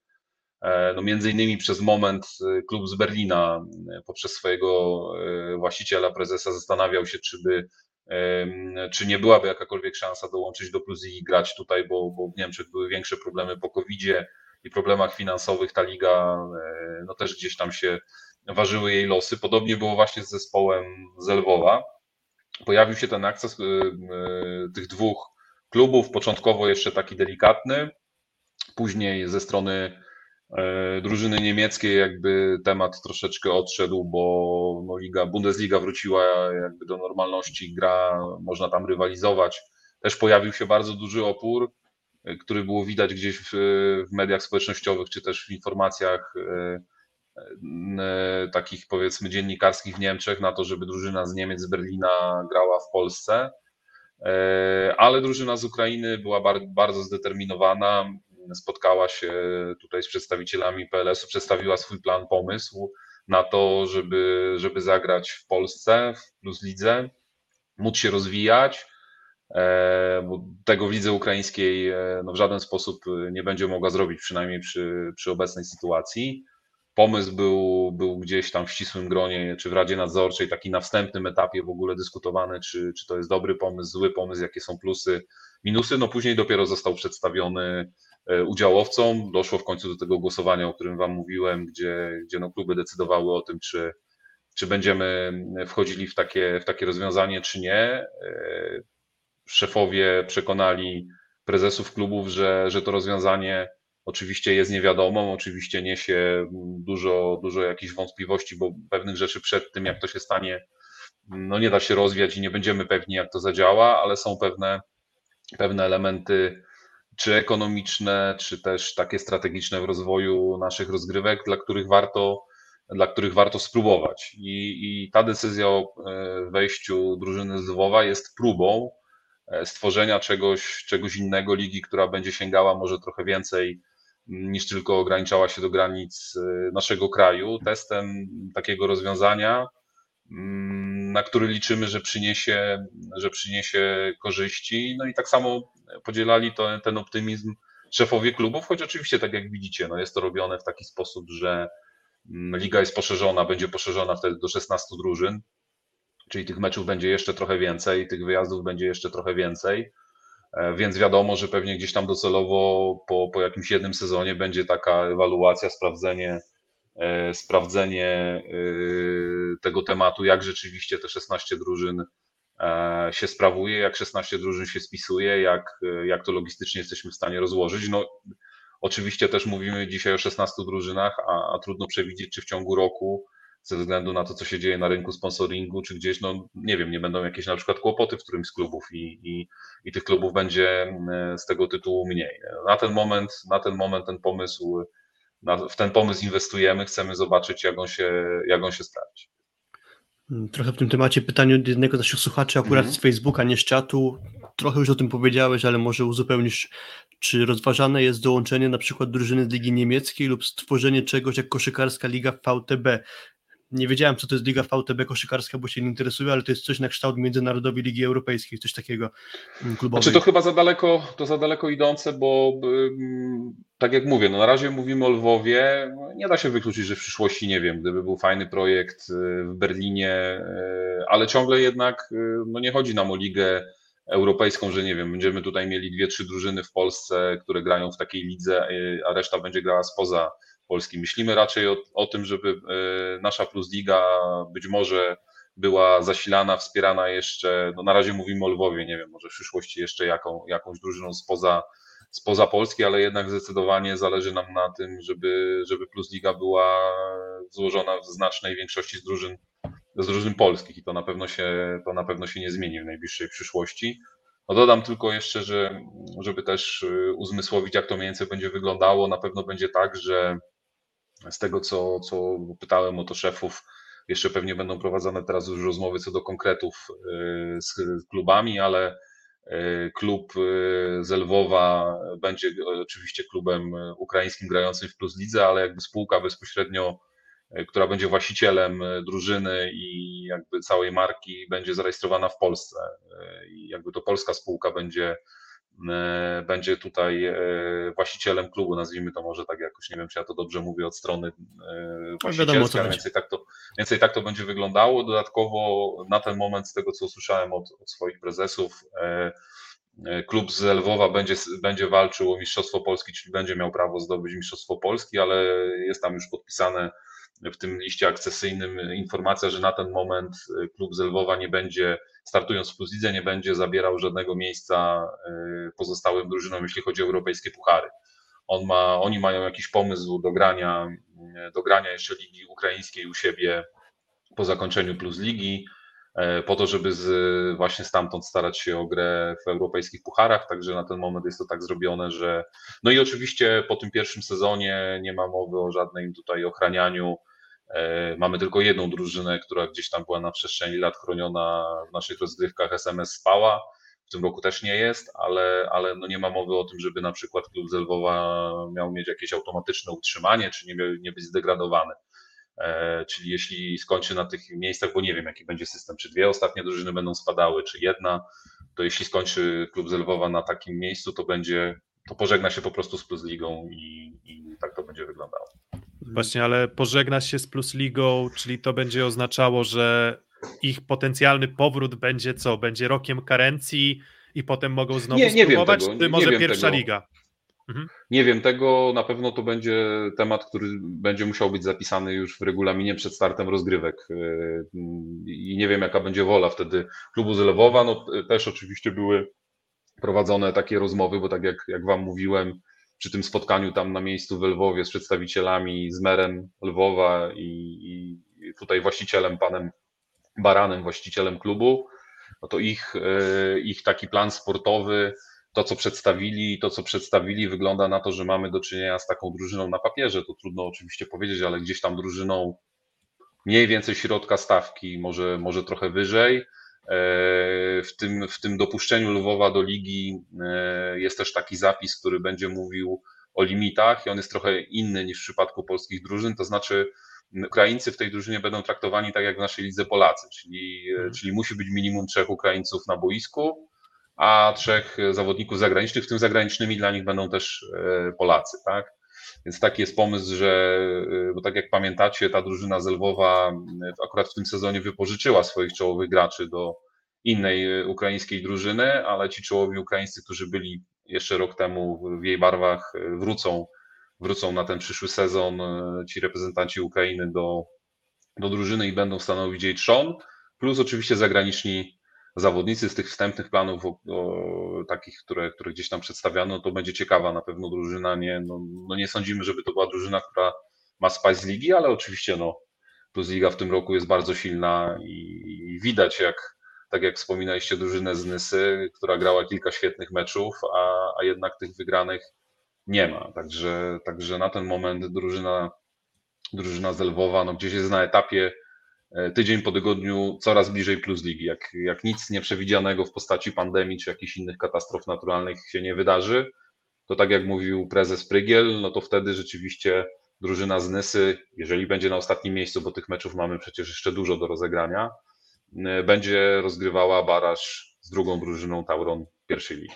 Ja tak jeszcze trochę a propos tych, a propos tych baraży, to też chyba warta sprawa rozważenia, bo jak sprawdzaliśmy terminarze, no to Plus Liga w, w przypadku 14 drużyny tabeli zakończy rozgrywki może nawet dwa miesiące wcześniej niż poznamy wicemistrza pierwszej ligi i to jest chyba trochę problem. Granie baraży po dwóch miesiącach bez y, wychodzenia na boisko, utrzymania y, obcokrajowców w składzie i tak dalej, więc z mojej strony to też byłoby warte przemyślenia chyba. No też jestem ciekaw, bo też za, zauważyłem ten terminarz już jakiś czas temu, też będę ciekaw jak to będzie rozegrane, no bo oczywiście mówimy o sytuacji, kiedy kiedy w e, Tauron pierwszej lidze mamy zacięty finał, zacięte półfinały, to się może tam rzeczywiście przedłużyć do, do maja. Myślę, że ten temat też stanie właśnie na spotkaniu z prezesami e, z prezesami Plus Ligi i, i będzie gdzieś rozmawiany, bo tak jak mówicie, no nagle się okaże, że Mm, teoretycznie drużyna z pierwszy, drugiego miejsca pierwszej ligi no, będzie miała sporą przewagę, bo będzie w rytmie meczowym, e, będzie grała regularnie, walczyła. Zobaczymy. Jestem ciekaw, jak to, jak to zostanie tutaj rozwiązane, bo, bo nie mam na ten temat jeszcze wiedzy. To może, to może chociaż mecz 13-14, taki już niedecydujący o tym, o, o Jest to jakieś tabeli, no rozwiązanie, no bo w tym momencie, w tym momencie wydaje mi się, wydaje mi się, że w tym momencie E, robienie meczu decydującego, no to byłoby już takie bezpośrednie wpływanie na, na, na zasady spadku, czy tam e, meczu barażowego. Myślę, że chyba, ale no nie wiem, zobaczymy, co, co tutaj prezesi, co prezesi po, postanowią, jak to faktycznie będzie wyglądało, jak to będzie wyglądało. Okay, jeśli Piotrze pozwolisz, y, wracając do klubu z Lwowa, czy dołączenie Lwowa do polskiej ligi będzie skutkowało sprzedażą praw telewizyjnych na rynek wschodni? Ja pozwolę sobie to pytanie rozszerzyć, jakbyś mógł przedstawić jakieś korzyści ewentualne biznesowe, jakie mogą z tego wynikać, bo to też dla wielu ludzi jest e, niejasne. No, przede wszystkim, jeśli chodzi o te biznesowe e, korzyści, no to liczymy na to, że Mm, do naszej ligi e, no, zacznie dołączać, e, nazwijmy to, poważny kapitał. Mamy przykład inwestora z Ukrainy, który przejął klub z Warszawy w bardzo, nazwijmy to, takim trudnym momencie. Już wydawało się, że może nawet nie być klubu w Warszawie. Z tego, co przynajmniej z takich rozmów z siatkarzami, czy tutaj trenerem, w tym sezonie od tej strony finansowej tam wszystko jest poukładane e, tak jak powinno, tak jak powinno być, wszystko jest, wszystko jest na czas, wszystko jest dobrze. Mm, tutaj mamy drugi, mamy drugiego bardzo poważnego inwestora e, prywatnego, e, który, który chce zainwestować w siatkówkę, czy inwestuje już w siatkówkę w Lwowie. No, dodatkowym oczywiście elementem już poza biznesowym jest kwestia, że to jest, e, że to jest właściciel, który no, ma, ma, ma korzenie polskie i jakby ta, ta obecność w Polsce, obecność w Polonii, w Lwowie i, i ten, ten klimat mm, e, no, jest mu bardzo bliski, ale wracając jakby do, do, do tych tutaj biznesowych rzeczy, to co powiedzieliście o prawach na wschód, to jest pierwszy sezon, kiedy udało się, to na razie jeszcze jest, to na razie są jeszcze pierwsze kroki, bo, bo tak jak wiecie, prawa E, prawa do Plus Ligi nabył na, na jeszcze kilka lat do przodu, nabyła telewizja Polsat i w wyniku rozmów e, właśnie naszego zarządu z Polsatem są pierwsze kroki w tym, żeby Plus Liga była pokazywana, transmitowana za granicą.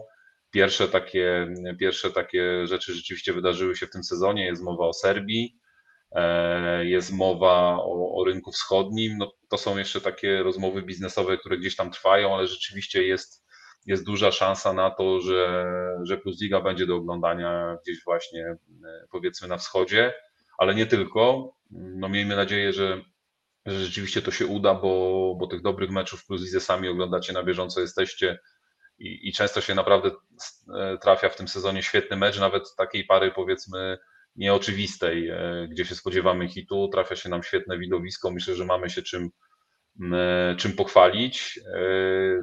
No i tutaj ta, ta kwestia biznesowa dopływu takiego, takiego świeżego, nazwijmy to kapitału, świeżej krwi e, w postaci, w postaci dużego partnera z Ukrainy, jednego czy drugiego, no, może być dobra i powinna być dobra dla, dla naszego rynku.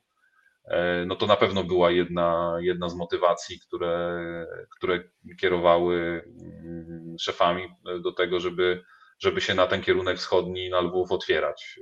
Dodatkowo E, to, co Wam na początku powiedziałem. E, to jest też taki test, sprawdzenie tego, jak, jak e, drużyna z Ukrainy, z Lwowa, na ile jest ona w stanie przyciągnąć powiedzmy kibiców, czy w ogóle pokazać siatkówkę na takim poziomie kibicom, potencjalnym kibicom, Ukraińcom pracującym, żyjącym w Polsce. Część z tych ludzi zupełnie zostanie w naszym kraju E, nie wróci już do siebie, albo nie wiem, będzie wracało tylko co jakiś czas. E, I tutaj jest e, z naszej strony próba, będą próby i będzie też duża próba reklamowania się poprzez kluby do, do tych właśnie lokalnych miejsc, gdzie jest sporo, właściwie chyba wszędzie w, w tym momencie w Polsce jest sporo osób z Ukrainy i przyciągnięcia ich do siatkówki, e, a nie do innego sportu. No, żadna inna liga na ten moment takiego ruchu nie wykonała.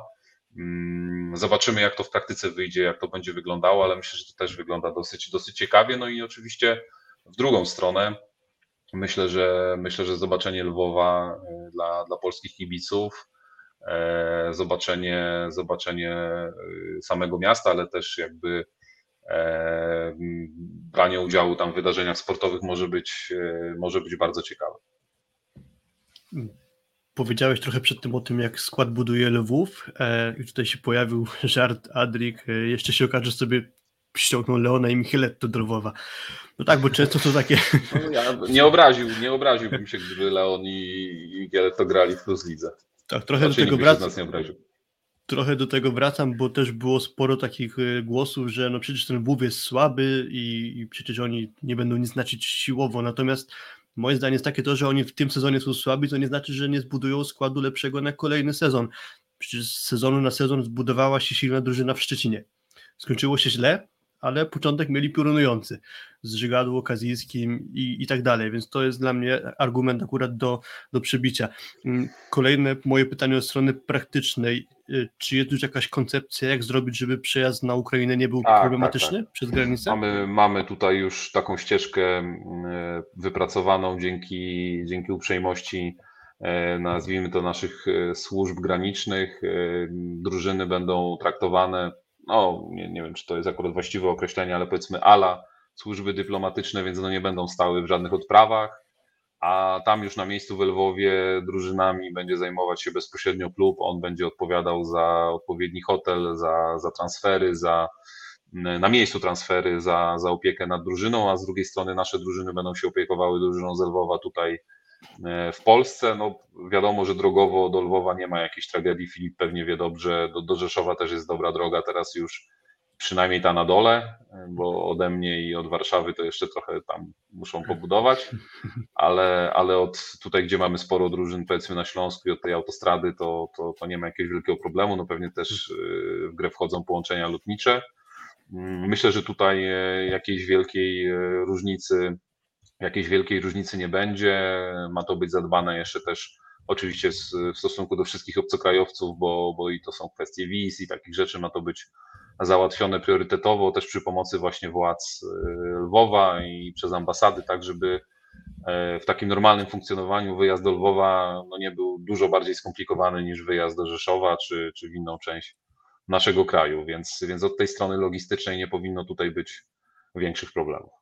A kibice? O, bo to jest też pytanie z czatu i też na pewno takie, na którym myśleliśmy przed startem odcinka.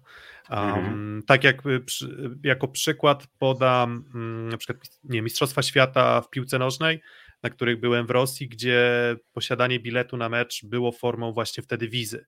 Czy zakładamy, że chcemy wspierać kibiców w tym, żeby mogli bez większych formalności dotrzeć na te mecze, czy po prostu temat odpuszczamy i niech sobie radzą?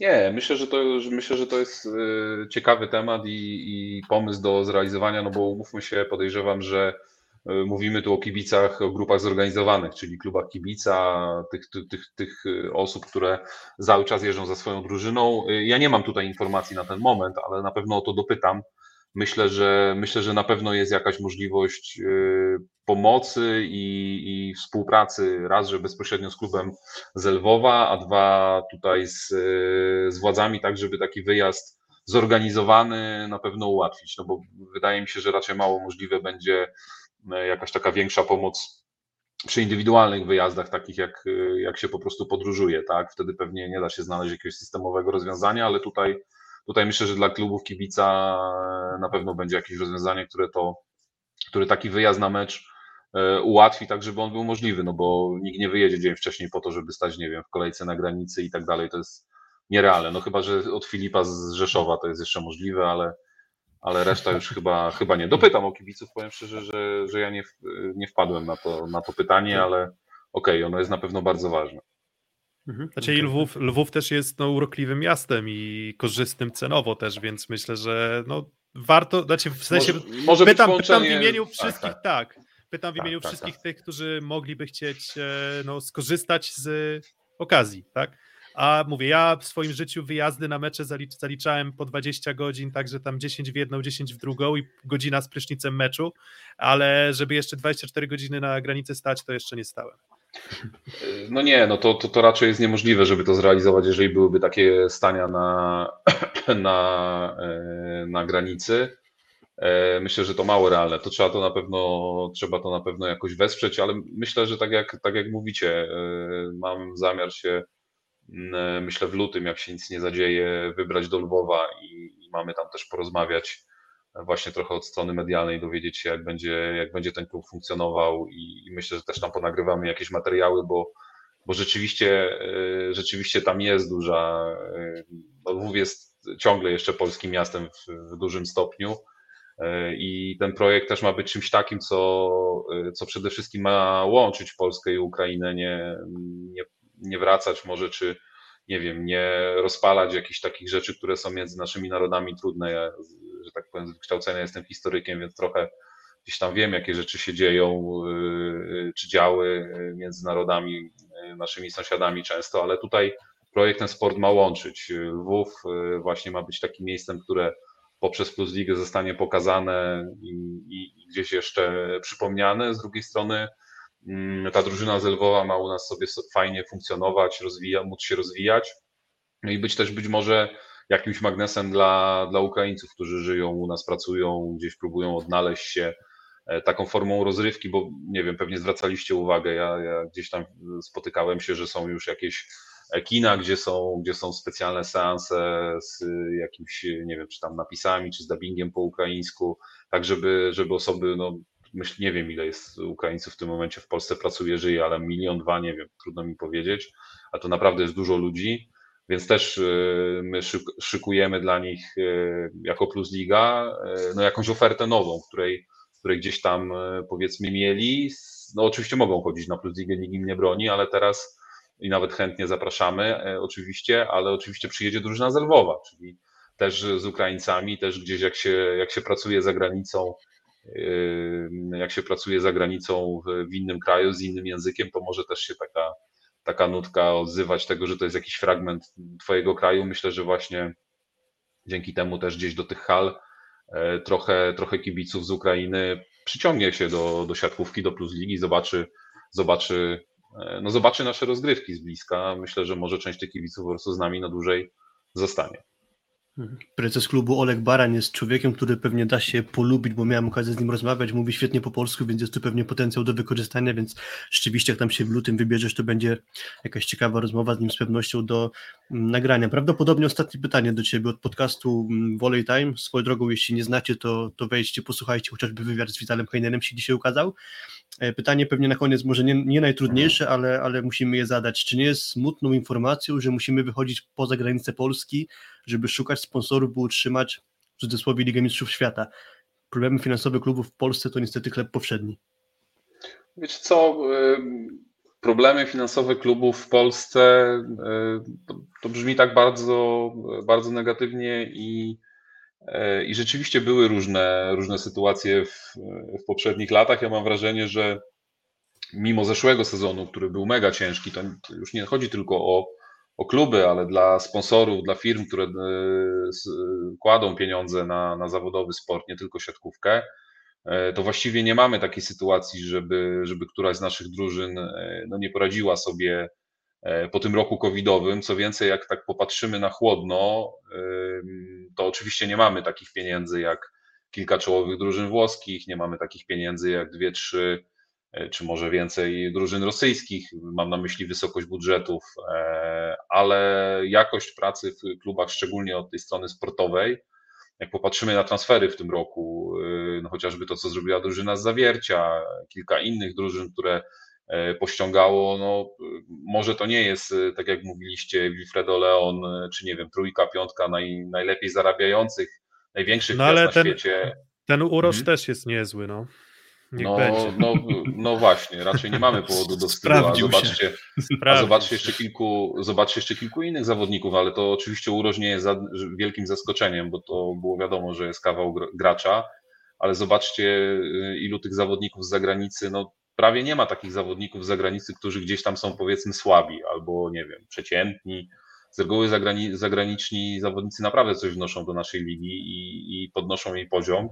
No to jak patrzymy na, na tą sytuację, jak patrzymy na tą sytuację, no to te kluby sobie świetnie poradziły, bo i też musi znaczyć to, że poradziły sobie dobrze od strony finansowej, no bo mówmy się, że kontraktowanie takich zawodników z zagranicy e, czy z Polski, e, te zmiany no musiały kosztować, tak? Te kluby sobie wszystkie poradziły. Dzisiaj mamy, dzisiaj mamy taką sytuację, że właściwie no w tabeli, jak spojrzymy rzeczywiście, drużyna z Nysy odstaje punktowo w liczbie zwycięstw, ale jak się patrzy na jej grę, pamiętam wiele sezonów w Plus Lidze, kiedy było na przykład 10 drużyn, różnica między ostatnią drużyną a, a mistrzem Polski była no taka, że właściwie jak się mecz odbywał, to było wiadomo, jaki będzie wynik. No tutaj w przypadku z drużyny z Nysy można powiedzieć, że wynik tak, ale już gra niekoniecznie, bo, bo drużyna z Nysy też fajną grę siatkówkę gra i, i ma tam kilku zawodników, którzy naprawdę potrafią grać siatkówkę. Ja, ja uważam, że, że mamy powody do dumy i tutaj jakby mm, w tym pytaniu rozumiem, że, że chodzi o to, czy, czy jest jakby konieczne gdzieś tam wychodzenie na zewnątrz. Nie wiem, myślę, że myślę, że jak się pozyska fajną, nową drużynę z jakimiś perspektywami, to zawsze dobrze. Aczkolwiek, e, aczkolwiek ja, ja też rozumiem, ja też rozumiem kibiców, e, że pytają, no jest to drużyna spoza Polski, jest to zupełnie coś nowego. Wszyscy będziemy się gdzieś tam e, zastanawiali nad każdym, nad każdym wariantem, który się pojawi, nad, nad każdym rozwiązaniem, oceniali za rok na pewno, mm, jeżeli ten WW dołączy, jak będzie grał, no to jak będzie grał świetnie, to powiedzą wszyscy, że, że warto było, jak będzie mu szło gorzej, że to jest nasza wina, że to, to było bez sensu i tak dalej, i tak dalej, i tak dalej. Ileś, ileś tych ileś tych tutaj punktów przekonało prezesów klubów, przekonało nasz zarząd, że warto spróbować. Dzisiaj, dzisiaj wygląda ten pomysł y, no jeszcze ciągle tak, y, tak dla, dla wielu ludzi nierealnie, że, że, że drużyna Zelwowa nagle będzie grała w Lidze, ale myślę, że dzisiaj na ten moment możemy powiedzieć, że jest to już no bardzo realne. Jeżeli nie staną się rzeczy takie nieprzewidziane, niezależne od nas ani od drużyny Zelwowa, czyli no chyba najkrócej można powiedzieć, nie wiem, no pandemia znowu jakoś zaatakuje, że nas pozamyka, czy, czy nie będziemy w stanie tego zrealizować, to jeżeli się to nie stanie, to będziemy tą drużynę z Lwowa w Plus Lidze mieli. Jeszcze powiedziałeś, Kamil, o tych obcokrajowcach. Jeśli mogę prosić, odpowiedź tak lub nie, albo bardzo krótka. Czy jest pomysł, żeby rozszerzyć limit obcokrajowców do czterech, czy ten pomysł w ogóle się nie pojawił, jest plotką, albo już upadł po prostu? To znaczy, zdajecie sobie pewnie też dobrze sprawę, że budowanie drużyn, budowanie drużyn w klubach to jest jakieś wieczne układanie do budżetu konkretnych klocków, budowanie drużyn według tego, co, co mamy. Zmiana limitu być może, no trudno powiedzieć, zmiana limitu na, na powiedzmy czterech możliwych obcokrajowców jednocześnie na boisku być może spowodowałaby, że dałoby się pozyskać większą liczbę obcokrajowców, ale no może to by niektórym klubom w czymś pomogło. E, my jako, jako PLS od, od właściwie początku ligi stoimy, stoimy na straży tego, tego limitu 3-3, bo to właściwie zgodnie z przepisami jest to napisane w ten sposób, że musi na boisku przebywać minimum trzech Polaków. E, I tak to jest w przepisach zapisane. I uważamy, ja osobiście też tak uważam, ale oczywiście tutaj mówię w imieniu PLS-u, że ten limit jest na ten moment optymalny. Ostatnio y, zrobiłem taką rozmowę z Andreą Anastazim, który no, u nas ciągle nie nauczył się, znaczy umie, już rozumie już po polsku praktycznie wszystko, ale nie mówi, e, także już byliśmy gdzieś na obiedzie i, i, i przy okazji też miałem możliwość zrobienia z nim rozmowy, no i on uważa, że ten limit, który obowiązuje w Polsce jest najlepszy.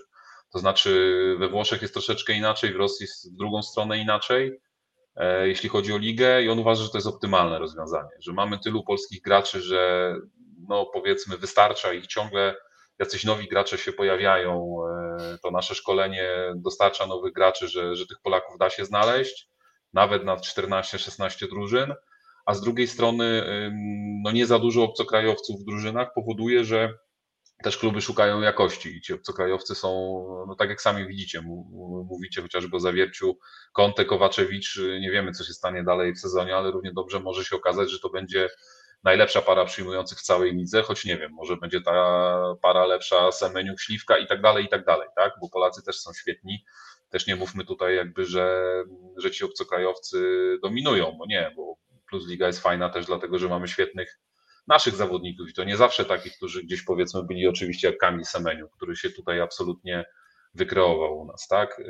Także, także co rozmowy gdzieś tam wśród prezesów, może gdzieś e, w mediach się pojawiają, ale na ten moment, jeżeli chodzi o PLS, to, to że tak powiem, e, ten limit będzie broniony za wszelką cenę. No pamiętajmy też, że w, w tym układzie, pamiętajmy też, że my jako spółka prowadzimy, też właściwie zarządzamy rozgrywkami, ale licencję dostajemy E, od Polskiego Związku Piłki Siatkowej na prowadzenie Plus Ligi czy Tauron Ligi i no w PZPS-ie na pewno nikt nie będzie patrzył e, z przychylnością na, na, na gdzieś tutaj próbę jakiegoś e, grzebania przy limitach, bo ten limit robi dwie rzeczy. Mamy, uważam, kapitalną ligę. Przez te ostatnie lata naprawdę niesamowita praca w naszych klubach, świetne transfery, budowanie tych drużyn i to i z środka stawki, i z końca ciekawych drużyn a z drugiej strony no, mamy dużo zawodników, którzy później mogą grać w reprezentacji. Wszyscy wiemy, jak, jak że tak powiem, zakończyło się na, na igrzyskach i gdzieś to rozczarowanie,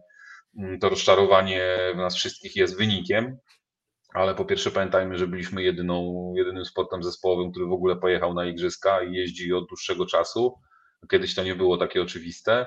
A co drugie, no, mamy triumf w Lidze Mistrzów, a co mnie najbardziej cieszy, jak popatrzymy na skład grupy Azoty Zaksy, no to kluczowi ludzie to Kaczmarek, Śliwka, Semeniuk, e, wtedy Kochanowski czy Zatorski, oczywiście był i to Newt i, i, e, i, i Smith na środku, ale generalnie 80% drużyny, czy może nawet więcej, to byli Polacy, tak, więc jak popatrzymy sobie, no to w Rosji może być podobnie, ale już we Włoszech niekoniecznie, bo tam może być dwóch Włochów e, na boisku, a reszta wszystko obcokrajowcy. Także myślę, że ten kierunek 3-3 jest optymalny i jakichś takich realnych na ten moment yy, pomysłów, żeby go dotykać, po prostu nie ma.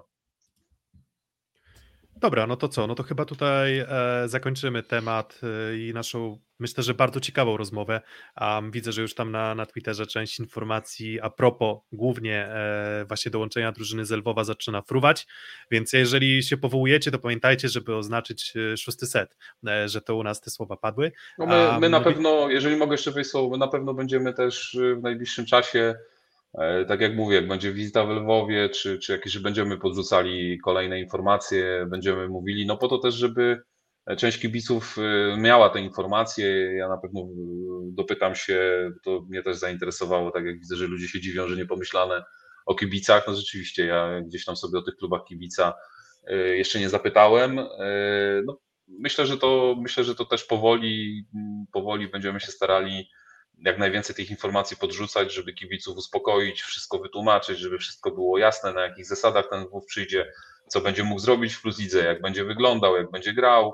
E, też pokażemy tych ludzi, którzy, którzy tak jak właśnie e, mówiliście, no, właściciel, e, właściciel, główny sponsor tej drużyny naprawdę, naprawdę ma duże plany. Zobaczymy, czy nazwisko zobowiązuje, bo mamy już jednego prezesa o tym nazwisku w Plus Lidze i w tym sezonie w samych superlatywach można, można mówić o tym, co się w Zawierciu zbudowało. Kto wie, może nawet z medalem będzie na koniec, na koniec Plus Ligi. Na razie tak pachnie, e, więc może drugi prezes o tym samym nazwisku, tylko z innym imieniem i z innego kraju, no może też wniesie do Plus Ligi z czasem e, tak dużo dobrego, jak, e, jak wniósł prezes Kryspin tutaj w, w ten sezon i w poprzednie sezony. Ankieta, bo właśnie, jak mówiłem, odpaliliśmy ankietę, no to jak myślisz, mhm. ile osób uważa, że to dobry pomysł? A to rozumiem, że to się dzieli na trzy, tak? Dobry, zły, e, nie mam tak, zdania? Tak, tak, tak, nie, nie wiem. O.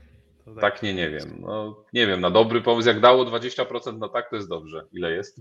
27 i powiem Ci, że liczby rosły wraz z naszą dyskusją i z Twoimi argumentami, więc myślę, że część osób może no, udało Ci myślę, się jeszcze że... w międzyczasie przekonać. Myślę, że te argumenty będziemy dostarczać. Nie chcemy też, e, nie chcemy też, e, nie chcemy też, żeby to było traktowane tak jak mówię. No to była nasza wspólna decyzja, nasza, mam na myśli E, całej Plus Ligi, tak? Plus Ligi, czyli e, prezesów klubów, e, którzy dali się przekonać, zrozumieli te argumenty, które gdzieś tam się pojawiały. Myślę, że też my kibiców przekonamy. Myślę, że klub z Lwowa sam przekona kibiców do tego, że, że fajnie, że do nas dołączą. A teraz, a teraz myślę, że tak jak zaczęliśmy ten program, to chyba trzymajmy wszyscy kciuki, żebyśmy, żeby się nikomu nic nie stało, żeby, żeby od tej strony zdrowotnej było jak najlepiej, bo, bo widzicie, mówimy o covid a e, oglądaliśmy pewnie wszyscy mecz w zawierciu e, i tam gdzieś ostatnia akcja meczu e, upadł Pablo Krer, tak, my sobie mówimy tu o różnych rzeczach, a tu już jest informacja, że niestety zerwał zadła krzyżowe i sezon ma z głowy, także to zdrowie, mhm. zdrowie jest absolutnie najważniejsze myślę, że myślę, że my dogramy ten sezon. Y, zeszły rok pokazał, y, że naprawdę jak było ciężko, to i prezesi klubu, i trenerzy, i zawodnicy gdzieś tam czasami nawet jak ich interes nie był w tym, żeby coś zagrać, bo, bo może lepiej było poczekać, coś to wszyscy naprawdę w miarę potrafili się dopasować, żeby tą ligę dokończyć i, i to, żeśmy ją dograli, to był nasz wspólny sukces i to było takie naprawdę optymistyczne, że tych trudnych momentach, no, no gdzieś tam każdy swój trochę interes chował do kieszeni i, i się udało. To myślę, że, że w tym roku tym bardziej nam się uda, a może z każdym kolejnymi miesiącami, że tak powiem, będzie trochę oby było spokojniej i obyśmy tutaj kiedyś, żebyście mnie zaprosili do rozmawiania już tylko, tylko o sporcie, a, a jeszcze y, jedną rzecz chciałem powiedzieć, bo pewnie część osób słucha, y, w piątek nie mogę jeszcze zdradzić szczegółów, ale to będzie taka fajna, będzie taka fajna sprawa, chciałbym, żebyście popatrzyli na stronę Plus Ligi, gdzieś tam na Facebooka, może na mój profil ruszy taka aukcja dla jednego młodego dżentelmena, dla jego, dla jego rodziny. To historia jest e, no mega smutna generalnie, ale, y, ale jakby pomysł jest fajny, będzie w nią zaangażowany jeden z naszych bardzo znanych zawodników. Bądźcie, śledźcie, bo, bo trzeba tam, trzeba. No mam nadzieję, że uda się fajnie pomóc, bo, bo sytuacja jest jest taka naprawdę, no, nawet y, nie będę opowiadał teraz, bo to się łzy wokół kręcą, ale zobaczycie w piątek, będzie fajna aukcja, będzie fajna rzecz, taka wyjątkowa do, do wylicytowania, może, może się uda rzeczywiście jeszcze fajnie pomóc rodzinie takiej, która mega jest w potrzebie, to chciałbym, żebyście też jak będziecie mogli, to podreklamowali wszędzie, wszędzie gdzie się da. Oczywiście. Jak tylko będziemy mogli, to pomożemy. Tak, o, oczywiście. My zawsze, zawsze jesteśmy zaangażowani w miarę naszych możliwości w no, wspieranie innych. Mm. Już chyba nawet wiem, co będziemy mogli zrobić, Piotrek, a propos tej koszulki, tak. którą kiedyś z autografami tak, otrzymałeś. Dokładnie, więc myślę, że no tak, trzeba, trzeba pomagać. Teraz też zresztą aukcja WOŚP. Nie chcesz, Kamil, wystąpić w barwach Haluronu CMC Warty Zawiercie, czy nie możesz ze względów Widziałem. proceduralnych? Widziałem, nie wiem, czy ja myślę, żebym badań nie przeszedł niestety, A, bo, okay. bo, tam, bo tam wiecie, żeby dostać licencję, to trzeba przejść tak, rzeczywiście tak, być tak. w miarę zdrowym e, i jeszcze młodszym podejrzewam niż ja. Yy, ja, ja nie wiem, czy bym mógł wystąpić, bo mam drużynę, w której gram tu w Tomaszowie yy, w amatorskiej lidze. Nie wiem, czy by mi pozwolili grać w jakiejś tam plus lidze, bo u nas to są zupełnie inne emocje na boisku. Nikt nie no potrafi no tak, grać, no. ale, ale staramy się, staramy się i zabawa, zabawa jest super. Także, ale pomysł super. Yy, nie wiem, jak to się tam zakończy, kto, kto to wylicytuje. Tak jak pisałem na Twitterze, my na pewno oprawimy fajnie wygrać siatkarską ligę taką osobę która gdzieś będzie oficjalnie dołączona, więc nie wiem, może wycenimy na 10 milionów, czy tylko wtedy nikt nie będzie mógł do składu wziąć, więc może no wycenimy no najtaniej, jak się da, żeby taką osobę można było gdzieś na rezerwę wrzucić. Żeby samo przy, siebie mogło kupić. Przy tak, i zrobić screena i ewentualnie potem jeszcze go na jakąś aukcję kolejną charytatywną dać. Dobra, dzięki Kamil za E, no to, mówiąc dobra, tylko, to, ty żegnasz, to ty żegnasz Kamila. Proszę. Mówiąc tylko żartem, jeszcze taka oddolna inicjatywa powstała, żeby tę aukcję wylicytować dla pana Macieja Jarosza i żeby mógł wejść na boisko i pokazać, co to znaczy prawdziwa zagrywka, ale to oczywiście żartujemy sobie. Nie no, Maciek jak w swoich latach pewnie potrafił pokazać, co to jest zagrywka, e, także, także myślę, że żeby, żeby pokazał w tamtych latach, jak to wyglądało, ale to prawda, że jest, jest to jedno z ulubionych powiedzeń ostatniego sezonu. Także wszyscy, którzy oglądają Plus Ligę wiedzą, co to znaczy, że to nie jest zagrywka. Tak, żartujemy sobie oczywiście, żeby ktoś nie wziął na poważnie, że się tam naśmiewamy, czy coś takiego. Nie, pan Maciek y, pokazywał nawet koszulkę, którą dostał. Nie wiem, kto, kto jest autorem tego prezentu, ale dostał taką koszulkę z napisem to nie jest zagrywka, także wie, wie że już jego, że jego zwrot wszedł do, do siatkarskiego świata, i, ale nie powstrzymuje się, nadal używa, także może dobrze. Nie no, myślę, że wskazuje na jeden z najważniejszych elementów nowoczesnej siatkówki, co by nie mówić, tak? Od zagrywki się zaczyna wszystko. Dobra, e, teraz już chyba dzięki, chyba że jeszcze chcesz mi się wciąć, Filip. Przepraszam, już nie będę. Nie, no Dobra, dobra, dobra, ale, niech, ale niech ja będzie, teraz- że się wybroniłeś. Ja teraz muszę nacisnąć czerwony przycisk i pozwoli wam, żebyście już dalej sobie pogadali. tak, dziękuję tak, bardzo. Tak, ja Ty też dziękuję bardzo. Dziękuję bardzo za uwagę wszystkim, którzy, którzy pisali i tak jak mówię, no jeszcze, jeszcze o, o Lwowie będziemy informowali i mówili. Mam nadzieję, że kiedyś jak zrobicie, jak zrobicie e, taką ankietę, czy to był dobry pomysł już w trakcie, że, że to się odwrócą te proporcje i, e, i że będzie to tak właśnie wyglądało że, e, fajnie. Myślę, że jak sportowo będzie dobrze, to wszystko inne też będzie dobrze. Najgorsze, co może się stać, to niestety jakby odstawali czysto sportowo. No ale mamy nadzieję, że to się nie, nie wydarzy. E, To dzięki, Kamil, a my Pozdrawiam kontynuujemy jeszcze trzymajcie się. chwilę. Na razie. Hej. Dzięki. A my jeszcze chwilę porozmawiamy o wydarzeniach ostatnich dwóch kolejek. Bardzo szybko, bardzo skrótowo, ale myślę, że też działo się, więc y, nie możemy o tym nie wspomnieć. Szósty set. Mm, No właśnie, no to o czym wspomnieć? Resowia? Marcelo ostatnie Mendes mecze. 3 na 3. Tak, Marcelo Mendes 3 na 3 top. Czy może Indyk Pola ZS? Javier Weber 0 na 6 e, i to w takich meczach, e, które mogłyby dać jakiś handicap w walce o wyższą pozycję w tabeli albo chociażby o utrzymanie szóstego miejsca, bo tak gdzieś tam wieszczyliśmy, że ta Resowia może ruszyć do przodu i ruszyła. Więc może od, y, od Resowi, od Resowi Mendeza Em, czy to jest znacząco lepsza Resowia? To jest Resowia lepiej punktująca, stojąca przed bardzo dużym sprawdzianem e, w meczu z Jastrzębskim Węglem, który odbędzie się w niedzielę, ale czy ona jest gotowa na to spotkanie z Jastrzębskim Węglem? Ja osobiście nie sądzę. Ja tak samo. Ja nie uważam, żeby Resowia pod wodzą Mendeza zrobiła jakąś kolosalną różnicę w swojej grze. To znaczy, że on odmienił grę blokiem czy obroną. Bardziej mogę Resowie chwalić za takie indywidualne elementy, jak na przykład poprawa gry Pawła Zatorskiego, ale nie wrzucałbym to tego do worka zasług Marcelo Mendeza. Myślę, że to jest trochę za wcześnie jeszcze, żeby tak oczywiście, jako oczywistą oczywistość powiedzieć, że poprawa gry Pawła Zatorskiego to jest zasługa przyjścia trenera Mendeza.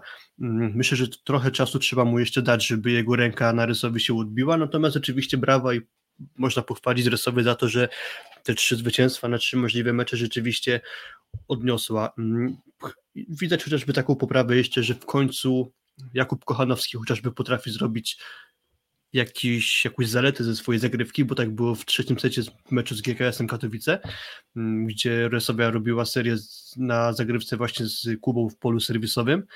Mm, Widać chociażby poprawy gry Macieja Muzaja, gdzie on w meczu z Katowicami naprawdę bardzo dobrze wyglądał i to nie było tak, jak to było często na początku sezonu, gdzie on dostawał tylko wygodne piłki, tylko tu nieraz było tak, na co zwróciłem uwagę, chociażby bardzo fajna rzecz, że on, żeby wysoko wyskoczyć i dość mocno uderzyć, nie potrafi koniecznie zawsze brać, nie musi mieć koniecznie dużego mm, nabiegu.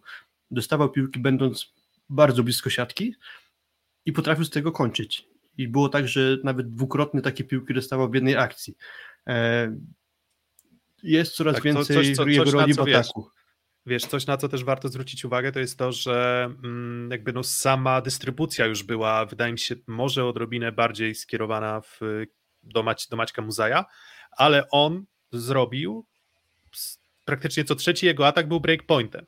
Tak jak do tej pory można było wskazywać, że e, Maciek Muzaj, który zresztą widać było, że się rozpędza, tak? bo to też jest tak, że e, można było dawać zarzuty, stawiać zarzuty Maciejowi Muzajowi, że faktycznie jest nikogo niewiele w grze, że dostaje piłki na lotnym bloku, tak teraz faktycznie zaczyna dokładać też reakcje na piłkach sytuacyjnych, na kontrach i wydaje się, że to już Resowia ma, czyli że ten Maciej Muzaj z Fabianem Drzyzgą współpracują dobrze, co w sumie składa się o tyle ciekawie, że mniej więcej w okolicach poprzedniego momentu z zeszłego sezonu mam wrażenie, że Karol Butryn wszedł na wyższe obroty z, mm, też we współpracy z Fabianem Drzyzgą w barwach e, Aseko Resowi Rzeszów, więc prawe skrzydło jest, pytanie jak zresztą, cały czas trochę dziurawa jest to drużyna, tak? Jest wrażliwa w przyjęciu na pewno, chociażby Czebul.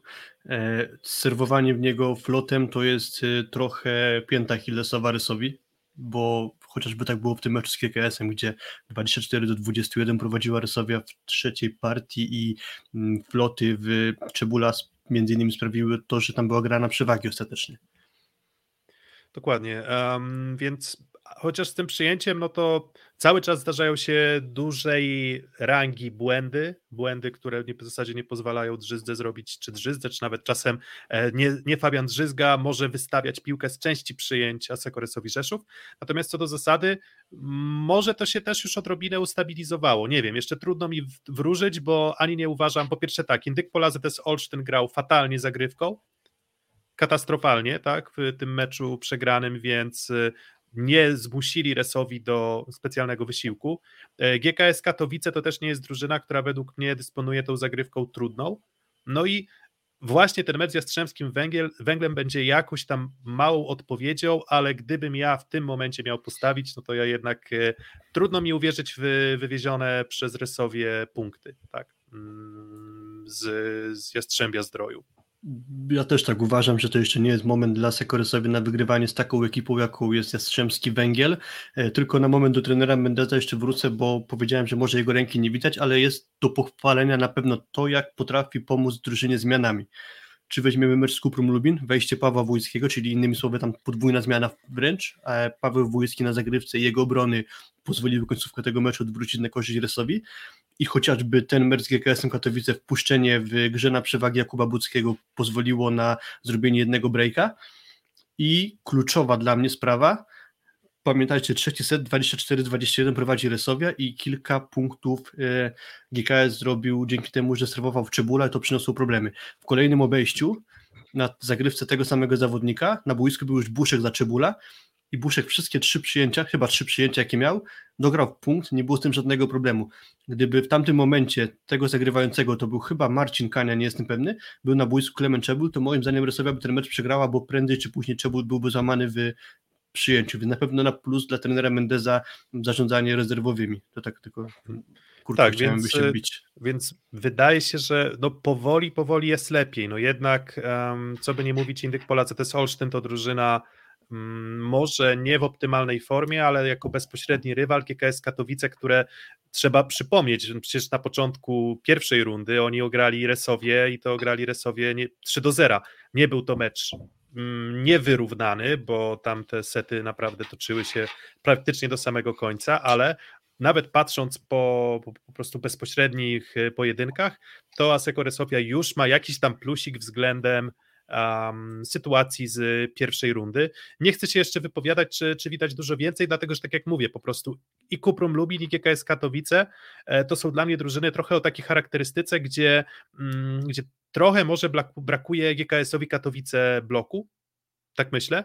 Um, i, i, I AZS nie potrafił wywrzeć presji na Resowi. Jak na razie Resowia Mendeza moim zdaniem nie została tak dostatecznie zweryfikowana. Dość równy był ten mecz z Kuprum Lubin, no ale jednak Kuprum Lubin z kolei ma bardzo duży problem w postaci Remka Kapicy i Masahiro Sekity na bloku. Tak, i wtedy i Dero i Czebul wyglądali lepiej, a oni cały czas jednak są dla mnie jakimś tam znakiem zapytania, więc poczekajmy na mecz z Jastrzębskim Węglem i wydaje mi się, że no tyle o, o Asekoresowi. Tak, zwłaszcza, że już e, przedłużyła nam się rozmowa z Kamilem Składowskim, więc postaramy się trochę ten temat plus ligi obecnej e, może trochę skrócić, ale ale no, myślę, że rozmowa z Kamilem była ciekawa, więc y, mamy nadzieję, że nie odbierzecie tego za złe dla mnie. Dokładnie. Um, I drugi tak, e, drugą, no trochę tak pry, po stronie prywaty możemy pójść, ale no myślę, że nie można nie wspomnieć też o debiucie Javiera Webera. Trochę mówiliśmy w kontekście tego meczu e, na Podpromiu, który e, no, nie wyszedł AZS-owi. W sensie to był dla mnie trochę taki mecz, nie wiem jak pamiętasz, mecz projektu Warszawy ze Scroll, projektu Warszawa ze Scroll w pierwszej rundzie, w której dużą presję wywarła zagrywką Skra, a z kolei projekt zaprezentował się wręcz prawie że najsłabiej w historii powiedzmy ostatnich 10, 12, 13 sezonów, jeśli chodzi o bilans e, strat, błędów na zagrywce i zysków w postaci asów. AZS Olsztyn tak. nie zaserwował ani jednego asa na tym podpromiu, więc dla mnie ten mecz był jakąś tam formą anomalii. I stawiałem przed meczem z PGS Crow Bełchatów nasze typy, że ten tiebreak 2 do 3, um, że punkt AZS może zdobyć, nawet pomimo tej fatalnej postawy w, w meczu wyjazdowym w Rzeszowie. No i było bardzo blisko tego punktu, a nawet powiedziałbym, że ten mecz może powinien zakończyć się z punktami dla AZS-u, a może nawet i powinien zakończyć się ze zwycięstwem. Tak, w ogóle to historia pierwszej i drugiej kolejki w porównaniu z tą 14 i 15 dla mm, Indykpolu AZS-u jest wręcz bliźniacza, bo po pierwszej kolejce były pewnie nieciekawe nastroje po tym, jak w Iławie Jarosławia wygrała 3 do 0. Tak samo teraz w 14 kolejce pewnie kiepskie nastroje po porażce na podpromiu, no ale i w drugiej kolejce i teraz w 15 kolejce ten mecz zyskał trochę e, promieni słonecznych, gdzieś tam przez okno Indykpolu AZS-u e, pozwolił e, wpłynąć, znaczy tam pojawiło się trochę jaśniejszego klimatu powiedzmy w Olsztynie. Mm, nie byłoby tak właśnie jakimś, jakąś niesprawiedliwością, gdyby nastąpił podział punktów, chociażby pierwszy set i ta dla mnie kuryzalna decyzja sędziego o tym, żeby nie zrobić challenge'u. Bo, bo moim zdaniem ten set powinien być kontynuowany, dlatego że y, byłby punkt dla AZS-u. I to jest chociażby jeden z argumentów za tym, żeby uważać, że mogło się tam skończyć podziałem punktów. Mm, wiesz co, tak, do tego wypuszczona przewaga czteropunktowa w czwartym secie, no przeszkodził sobie sam tak naprawdę Indyk Pola ZS Olsztyn. To, co wypracowywali w trakcie setów i to, co zaprezentowali w tym secie wygranym, no to to moim zdaniem było może maksimum możliwości, bo nie wiem, czy jest też zgoda na czacie i nie wiem, czy się tutaj zgadzamy, ale to był moim zdaniem bardzo dobry mecz. Jakby, że, że nie miałem poczucia, że to było tak, że PGS Krabbeł Chatów była słaba mam wrażenie, że postawili na tyle, duż, na tyle trudne warunki um, Indykpolowi AZS-owi, że Indykpol naprawdę musiał dość mocno popracować i wznieść się momentami na wyżyny swoich możliwości, swojego potencjału. Więc jeżeli ocenimy, że to był mecz dobry, a wydaje mi się, że to był mecz dobry, może z pierwszym setem, gdzie Skra bardzo pomogła psutymi zagrywkami, to sety 2, 3 i 4 były. Tak, to, to sety, to sety 2, 3 i 4 były bardzo wyrównane. Um, i były na wysokim poziomie, moim zdaniem, tak, więc e, bardzo fajnie wreszcie zaczął dobrze wyglądać TJ DeFalco, tak, były momenty Karola Butryna, który może statystycznie wygląda nieimponująco, ale były takie momenty, w których on tę grę faktycznie ciągnął, pojawiła się zagrywka, um, pojawiło się to, czym AZS wygrywał w trzeciej, czwartej i dalej w kolejnych kolejkach e, pierwszej rundy, więc e, dla mnie to jest mimo wszystko, pomimo tej porażki, jakiś tam sygnał optymistyczny dla, mm, no, dla Olsztynian. Tak, jeszcze a propos tego ewentualnego podziału punktów, to tylko doprecyzuję, 22-18 prowadził AZS w czwartym secie i między innymi trzeba pochwalić trenera Kowacza za puszczenie Roberta Takta, bo w dużej mierze właśnie jego wejście e, to spotkanie odmieniło i pozwoliło Skrze wywieźć trzy punkty z mm, Iławy. Tak, to właśnie widać, że mm, Kowacz no, nie boi się wpuszczać Techta. Mam też takie poczucie, że mm, każdy z zawodników jest gdzieś pod grą. Czyli, że nie jest tak, że jest to zamurowane, tylko zamurowana pierwsza szóstka czy pierwsza siódemka, ale i Mitic dostaje swoje szanse, i Schulz, czy je wykorzystują, trudno powiedzieć, ale mam takie wrażenie, że e, nawet przecież jeżeli chodzi o blok, to Aleksander Czerwiński wchodzi za Grzegorza Łomacza, to jest taka nowa zmiana, którą wprowadza, to jest e, atakujący bądź przyjmujący, jeżeli dobrze pamiętam, PGS Krybełchatów i on już kilka razy wchodził na, na podwyższenie bloku za Grzegorza Łomacza, tak, więc mm, każda osoba jest częścią tej drużyny i to, co też gdzieś tam z dwa, trzy tygodnie temu na Twitterze pisałem, to na pewno atmosfera w PGS Krzebełchatów jest dużo lepsza w porównaniu z poprzednim sezonem. Czy to kwestia trenera, czy to kwestia nowych zawodników, którzy przyszli, Atanasiewicza, który wydaje się być dobrym duchem drużyny, a może odejść części zawodników, trudno mi powiedzieć, ale PGS Krebełchatów, co by nie mówić, ogląda się bardzo przyjemnie, nawet jak zdajemy sobie sprawę z tego, że mogą mieć pewne ograniczenia czysto sportowe. Jeśli nas słuchacie, na chwilę wypadliście od wyniku skryto, Bełchatowianie wygrali 3 do 2 w Bułgarii, więc jak na taki skład osobowy, to myślę, że wynik co najmniej zadowalający. Natomiast chyba należy się spodziewać, chociaż nie mamy oficjalnego potwierdzenia i nie wiemy, jakie są wyniki testów, że pewnie tego spotkania ze Stalą Nysa w najbliższy weekend nie będzie, ale, ale póki co Skra swoje zrobiła i z Bułgarii przywozi wygraną. Mm, Aleksander Czerwiński to tak, oficjalna strona ligi, bo tutaj pytanie, czy Przyjmujący. środkowy, przy, przyjmujący, ale wydaje mi się, że też widziałem gdzieś, jak szukałem jego nazwiska, że na pozycji atakującego w jakimś tam artykule się pojawił. Mm, No ale tak czy inaczej PGS Krabełchatów ze zwycięstwem wygrywa sporo i dla mnie, to zresztą już powtarzałem, a powtarz, powtórzę się kolejny raz, to jest dla mnie było, nie było mm, dobra praca Kowacza i trochę zaskakująco dobry wynik, jeśli chodzi o, o ligową tabelę i też o prezentowany poziom przez PGS, Krebeł, przez PGS Krebełchatów. Mm, No właśnie, no i teraz tak, i Tyk Pola ZS Olsztyn teraz rozpoczyna tę serię spotkań z drużynami na, na, na swoim poziomie. W zeszłej e, rundzie e, od meczu z Suwałkami rozpoczęła się seria siedmiu zwycięstw.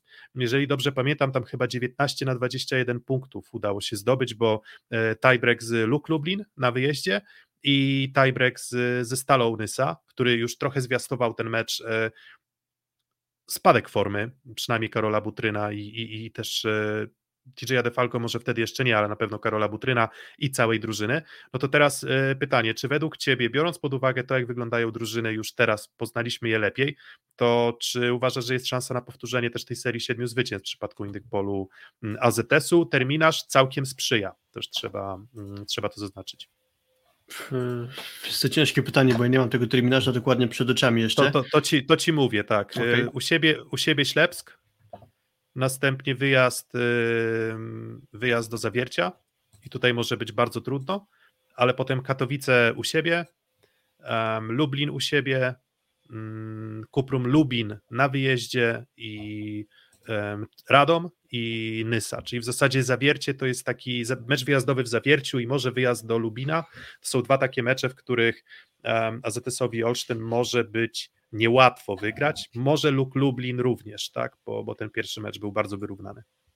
No to ten wyjazd do Zawiercia wydaje się taki problematyczny, bo, bo Zawiercie też y, ostatnio swoje robi i taka różnica z początku sezonu, z tego pierwszego chociażby meczu tych obu ekip, gdzie Olsztyn ograł Zawiercian, jest taka, że teraz już do swojej dobrej i równej formy dołączył Facundo Conte, który miał problem z tym przez pierwsze trzy kolejki ligowe, więc teraz i Urosz Kowacewicz y, na niezłym poziomie gra, chociaż trochę gorzej niż na samym początku ligi no to dołączył właśnie ten Facundo Conte i, i będzie to dla mnie ekipa jeszcze trudniejsza do pokonania, zwłaszcza, że na teraz to jeszcze Olsztyn nie ma takiej stabilnej do, dobrej gry na wysokim poziomie, więc jest duża niewiadoma, aczkolwiek uważam, że zawiercie to spotkanie wygra, natomiast te pozostałe, jeśli zostanie solidność, to Olsztyn będzie dla mnie faworytem.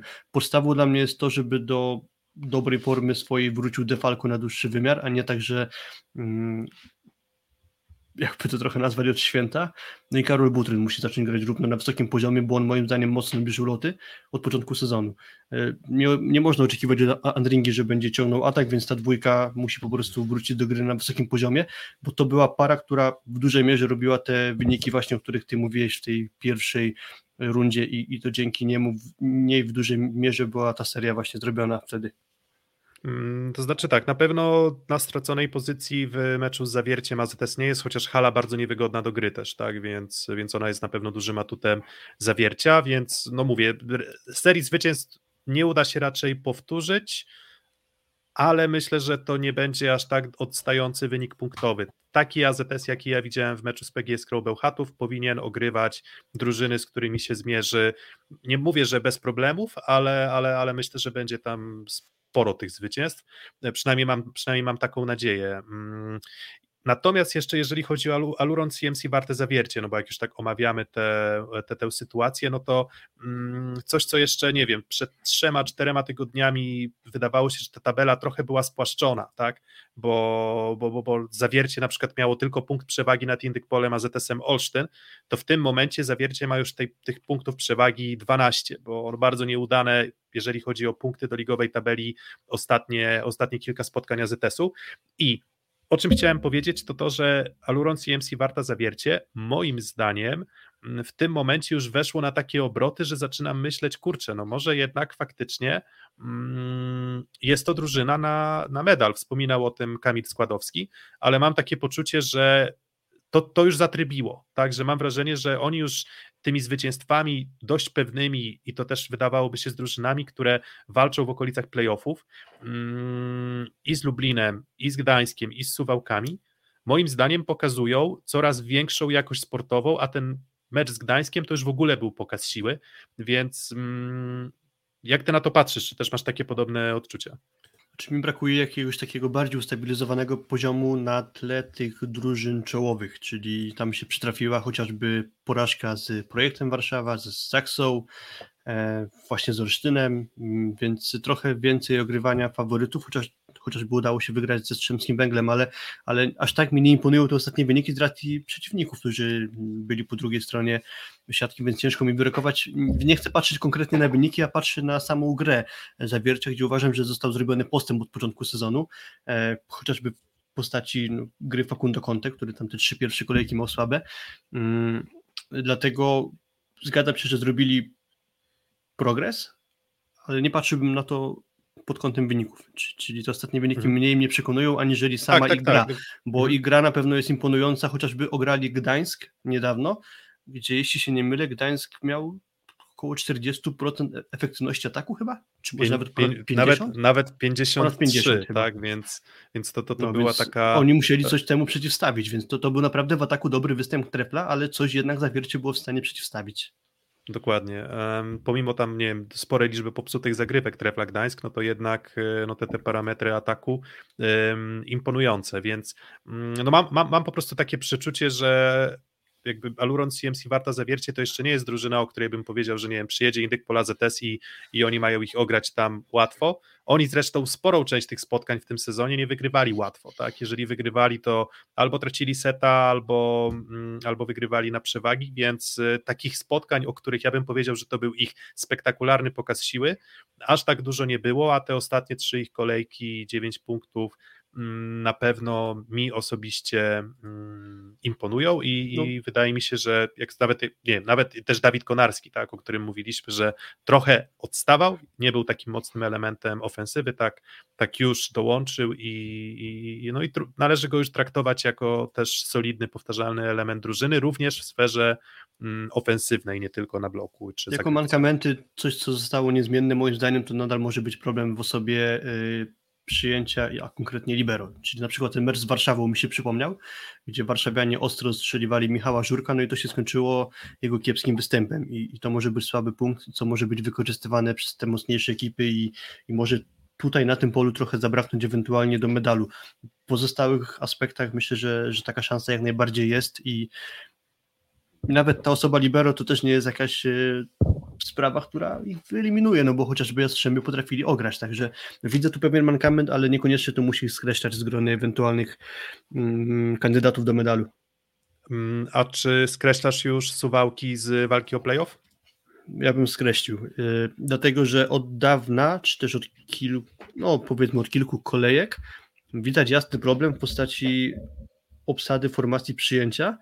Trwa to kilka kolejek i cały czas trener Kowal nie potrafił znaleźć rozwiązania, bo na, na oczywisty, widoczny gołym okiem mankament moim zdaniem e, tej drużyny. Jeżeli trwa to kilka kolejek, był czas na potrenowanie i nadal nic, nic się z tego nie uformowało, to moim zdaniem są już minimalne szanse na to, żeby to ustabilizowało się na takim poziomie, żeby pozwoliło regularnie punktować, a chcąc wejść do playoffów, musieliby regularnie punktować. Moim zdaniem to jest niemożliwe, żeby oni do ósemki weszli. Mamy nawet przykład, gdzie może coś zaczęło iść ku lepszemu, gdzie do, dwa dobre mecze z rzędu zagrał Paweł Halaba, czyli MVP w Gdańsku i mecz y, z Resowią. Res, Mimo, że przegrany, mhm. to dobry mecz z Resowią. Po czym przyszły kolejne spotkania i Paweł Halaba na przykład wczoraj w meczu z Lublinem bardzo szybko zmieniony. E, mówił o tym trener Daszkiewicz, że potrafili go e, odpowiednio ruszyć e, zagrywką i przez to udało się go wyeliminować. Dość szybko pojawił się Łukasik, o którym wiemy, jaki ma mankament, też sprawa przyjęcia. Ewentualnie, gdybym miał jeszcze szukać jakiegoś punktu zaczepienia, aczkolwiek osobiście nie wierzę, że to przyniesie jakiś piorunujący efekt, to jest próba za wszelką cenę grania paru Buchowski-Klinkenberg, czyli maksymalne zabezpieczenie dobrego przyjęcia i liczenie na grę Tuanigi, że będzie w stanie z dobrego przyjęcia e, rozrzucać blok, przez co się poprawi trochę lewe skrzydło No, I, mimo i to jest dla mnie właśnie- jedyna nadzieja, ale ja nie, moim, moim zdaniem to nie przyniesie playoffu, nie ma szans. Mm, mim- Bo tak, bo oczywiście mówimy o playoffie o miejscu ósmym, tak, a nie o jakimkolwiek wyższym, więc e, trochę wygląda to tak, że mamy taki mały wyścig ślimaków, jeśli chodzi o tę ósmą pozycję. Ja tak próbuję się, mm, zastanawiam się nad tym, co w zasadzie jest problemem sportowym Suwał. Kiedyś sprawdzałem, że jest to problem z b- breakpointami przy własnej zagrywce, czyli, czyli że, że ta zagrywka, albo ta zagrywka nie utrudnia rywalom tak bardzo gry, albo mm, blok obrona tutaj leży. Mm, ale tak, jak, jak, sobie, jak sobie pomyślisz, to tak, to jest o tyle specyficzna drużyna, że tu Czunkiewicz fantastycznie obroni, tu Bołądź złapie na zasięgu i po skosie załaduje wspaniałą, wspaniały, mocny atak. Podobnie, tak wam kilka takich e, ataków w tym sezonie już, że można spokojnie robić z tego kompilację. E, Wiesz, best, best hits and best spikes and, e, and blocks Andreas Takfam, Dansa Kuduro remix. Um, chociaż nie, I- przecież nie Dansa Kuduro, raczej coś norweskiego by się tutaj przydało. I, I do wiadomości menedżera można wysyłać od razu. Tak, dokładnie, ale, ale, ale to wszystko są takie incydenty. Podobnie zresztą nawet i ten mecz y, z Lukiem Lublin wczorajszy, to też było tak, że, e, że nagle w pewnym momencie suwałki z niczego zaczęły blokować. Zaczęły blokować fantastycznie. No ja tam wtedy e, na Twitterze napisałem tam, że o, że tam Pająk kładzie mecz. Pająk finalnie dostał nagrodę MVP, ale na, w tamtym momencie meczu miałem poczucie, że, że faktycznie coś się dzieje nie tak z, mm, z tym, na ile czytelnie właśnie rozgrywał Grzegorz Pająk, a może to właśnie Szczotkowi zaczęli się przesuwać. I tak jak ten akcent sportowy w drużynie Suwałk się pojawił, tak on bardzo szybko zgasł. I wiele rzeczy w Suwałkach mam wrażenie, że tak się pojawia e, znikąd. I to mnie trochę zadziwia, bo te drużyny Kowala zawsze, nawet jak miały pewne problemy sportowe, to miałem wrażenie, że wiedziały, co chcą grać. W tym momencie, może z uwagi na tę ciągłą rotację przyjmujących, może po prostu już się gubią, tak? Może, może jednak trzeba się zdecydować i liczyć na to, że w warunkach meczowych ta jedna z tych par okrzepnie, bo oni tak czy inaczej przegrywają, a w tym momencie jest tak, że i przegrywają, i mają niezgranych przyjmujących, mają przyjmujących, którzy, mm, z których Adrian Buchowski wydaje się być może takim elementem powtarzalnym, ale czy to będzie Halaba, Łukasik, czy może Klinkenberg, nie wiadomo. Tak, powtarzalność i styl gry to raczej zawsze była domena drużyny Andrzeja Kowala. Teraz rzeczywiście tego w Suwałkach nie ma. Dwie rzeczy. Pierwsza sprawa, która gdzieś tam mi utnęła w pamięci, do której chciałem nawiązać, to właśnie ta sprawa z MVP dla Grzegorza Pająka, gdzie faktycznie był taki moment, że Suwałki znakomicie zaczęły grać blokiem i można było taką tezę wysnuć, że, że trochę Grzegorz Pająk, jak ty to napisałeś, kładzie mecz, po czym dochodzi do wybierania statuetki, y, wybierania adresata statuetki MVP, dostaje Grzegorz Pająk. Grzegorz Pająk w wypowiedzi pomeczowej mówi, że no, nagrodę wręczał mu Grzegorz Szymański, czyli tam znajomy z boiska i się Grzegorza zapytał, ale to z wyróżnieniem, bo się znamy, czy dlatego, że, że zasłużyłem? I Grzegorz odpowiedział, że no dlatego, że nie było komu dać. E, Więc Co, co, nie jest, tak- co, co, nie jest, co nie jest do końca prawdą, bo akurat uważam, że Jan Nowakowski i Wojtek Wodarczyk spokojnie mogliby, mogliby tę nagrodę za W ogóle jest świetny, świetna postawa Wo- Wojtka Wodarczyka, który jest takim moim zdaniem dużym liderem tej ekipy, można na nim polegać. I też chyba ukłon w stronę trenera Daszkiewicza, że taki nieoczywisty zawodnik e, z Italii mu się e, spodobał i postanowił wykorzystać e, jego potencjał, no bo Wojciech Wodarczyk ostatnimi sezonami nie przekonywał żeby uczynić go liderem Beneminka plus ligi, a jednak Mhm. trener Daszkiewicz coś w nim zauważył i na razie się Wodarczyk mu po prostu spłaca. Mm, Tak, Druga Wodarczyk sprawa, jest jednym, wiesz, Wodarczyk jest jednym z takich elementów, takich zawodników, który gdybyśmy się przyjrzeli czysto statystykom, to by się wydawało, no dobra, no co to w zasadzie jest te 46% skuteczności w ataku, kiedy ci najlepsi to jest 50, 51, 53, ale nie widać tego, też nie widać tego, dlatego że po pierwsze ma inne elementy, którymi trochę skleja drużynę, dokłada blok, dokłada zagrywkę, jest na pewno mniej wrażliwy w przyjęciu niż się spodziewałem. Ogólnie pamiętam, że jak były te nagrania nasze przedsezonowe i właśnie zadawaliśmy pytanie, czy Wojtek Wodarczyk wróci na poziom gry tam sprzed kilku lat, tak? No to wydaje mi się, że to jest jeden, przynajmniej jeżeli odetniemy te, te, te, te sezony włoskie, bo, bo trudno mi do końca powiedzieć, jak się tam prezentował, nie widziałem go aż w tak dużym wymiarze, ale patrząc y, nawet statystycznie, nawet jeżeli to nie są aż tak imponujące liczby, y, jeżeli chodzi o atak, to jest to moim zdaniem po pierwsze niewidoczne na boisku, a po drugie inne elementy naprawdę na wysokim poziomie i w tej maszynce, tak jak mówisz, jest liderem. Sporo piłek na kontrze, sporo piłek trudnych też. Tak, i druga rzecz, o której chciałem jeszcze wspomnieć odnośnie Suwałk, to mówiłeś o tych zagraniach, które nadają się gdzieś nam na kompilację The Best Of i tego typu rzeczy, no to z kolei oni mają moment świetnej gry, w trzecim secie prowadzą, zaczynają dominować, a za chwilę pojawia się takie zagranie Czunkiewicza, który gra wspaniały mecz w obronie, gdzie ma wystawić drugą piłkę z podsiadki i wystawia piłkę do Bołądzia na pierwszą linię, a Bołądź jest w drugiej linii. I tracą ważną kontrę. Więc takie trochę babole się przytrafiają, które tak, finalnie się inna... przekuwają na to, że nie udaje im się wygrywać chociażby seta. Akurat tak, danego podobnie, seta. Tak, podobnie jak zdjęcie Tuanigi na bloku i mają okazję na zdobycie breakpointa, proste dogranie i jakby zapomnieli o tym, że nie mają rozgrywającego, tak? Piłka została dograna nie na trzeci metr, tylko ostro pod siatkę, gdzie próbował to ratować, tak wam nie uratował. I kilka takich błędów zatrważających, takich w ogóle dla mnie niepasujących do charakterystyki Suwałk, jaką ja kojarzę przez ostatnie e, dwa sezony. To wszystko jest dziwne, ale myślę, że mm, no pali się, pali się w Suwałkach i, i nie jest to przyjemny sezon dla, dla nikogo tam tak naprawdę, ani dla kibiców, ani dla władz klubu, ani dla zawodników. Ani Oczywiście dla trenera Kowala przypuszczalnie też. Tak, to jest trochę mm, przypadek mm, Nysy z zeszłego sezonu, która ratuje się słabością ym, Benzina był fatalny benzin i przez to, że ten benzin był fatalny, to trochę nie było widać to, że ta Nysa cały czas była taka sobie, żeby nie powiedzieć, że też nie była, e, nie była drużyną silną sportowo. Teraz z Suwałkami jest tak, że znowu trochę tę ich słabość przykrywa słabość Nysy, ale w sytuacji, skoro wiemy, że dołączy Lwów, a że jest to wysoce prawdopodobne, tak, no to niby grasz, niby tylko będziesz musiał wygrać baraż, ale po prostu trzeba dotrwać do tego barażu też z pozytywnym nastawieniem mentalnym, tak? Bo, bo pamiętam, że tam jak AZS Częstochowa przegrywał z Zawierciem, to kwestie sportowe były jedną rzeczą, ale też chodziło tutaj o, o, druż, o drużynę, klub, który był w stanie agonii na swój sposób.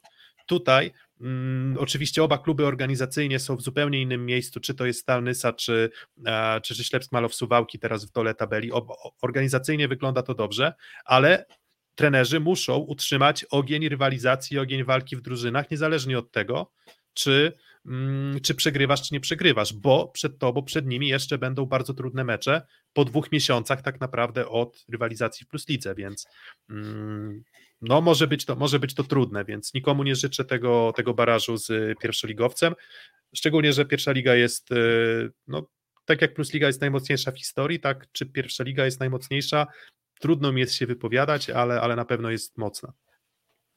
Dokładnie, no tak przypuszczamy, że może to być Stelnysa, oczywiście nie odbieramy szans Danielowi Plińskiemu na jakieś odbicie się, ale, ale może to być bardzo trudne. Mm, Zouheil El Graoui, e, Marokańczyk dołączył do Stalinysa, no ale jak na debut spotkał się z bardzo ciężką ścianą do przebicia i, i w ataku to dosyć marnie wyglądało, aczkolwiek to chyba nie jest e, odpowiednia drużyna mówił o Jastrzębskim Węglu, żeby weryfikować akurat mm, tego gracza, bo moim zdaniem on może dużo dobrego do, do Nysy wnieść, ale nie oceniajmy jeszcze po meczu z Jastrzębiem. Mhm. Ogólnie mój taki wniosek, że po prostu przykro się patrzyło na Stalnysę, na Stalnysa w, na tle Jastrzębskiego Węgla, ale to nie są spotkania, które oni mają wygrywać. Tak to jest z mojej perspektywy mm. wygląda. Tak, tak. No Jastrzębski Węgiel to, to, to, to drużyna, z którą mm, silniejsi mają problemy a co dopiero mówić o, o drużynie, która no, jest czerwoną latarnią e, tabeli.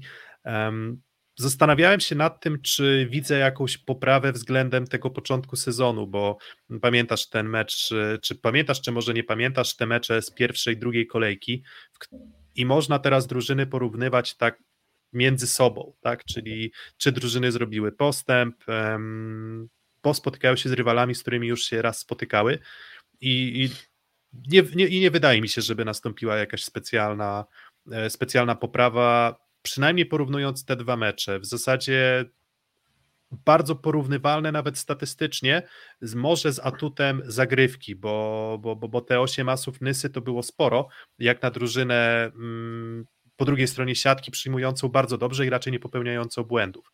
Więc te 8 asów to na pewno jakiś tam atut, ale tak jak skuteczności nie było skrzydłowych, tak i nie było teraz. Mm, tak jak y, problemy z przyjęciem, tak i pozostały problemy z przyjęciem i liczyłem, że to zwycięstwo z Luk Lublin y, Stalinysa będzie takim sygnałem do, do poprawy gry. Oczywiście ciężko oczekiwać, że będą wygrywać ze Strzemskim Węglem, no ale tak jak mówię, porównuję początek, y, początek ligi do obecnej kolejki i nie wiem, czy widzę dużą poprawę. Tak jak gdzieś w jakichś kuluarowych, powiedzmy, rozmowach w naszym wspólnym gronie padło takie pytanie, czy jest możliwe, że Daniel Pliński zostanie zastąpiony w tym sezonie na stanowisku trenera. Myślę, że do tego nie dojdzie, ale gdyby ktoś miał mniej cierpliwości, to być może już mielibyśmy kolejną zmianę trenera, ale to swoją drogą byłby chyba nieczęsty przypadek, żeby dwukrotnie następowała zmiana trenera w jednym sezonie, w jednej drużynie, pomijając takie przypadki, gdzie zespół obejmował jakiś szkoleniowy tymczasowy typu asystent poprzedniego zwolnionego trenera, bo takie przypadki pewnie by były.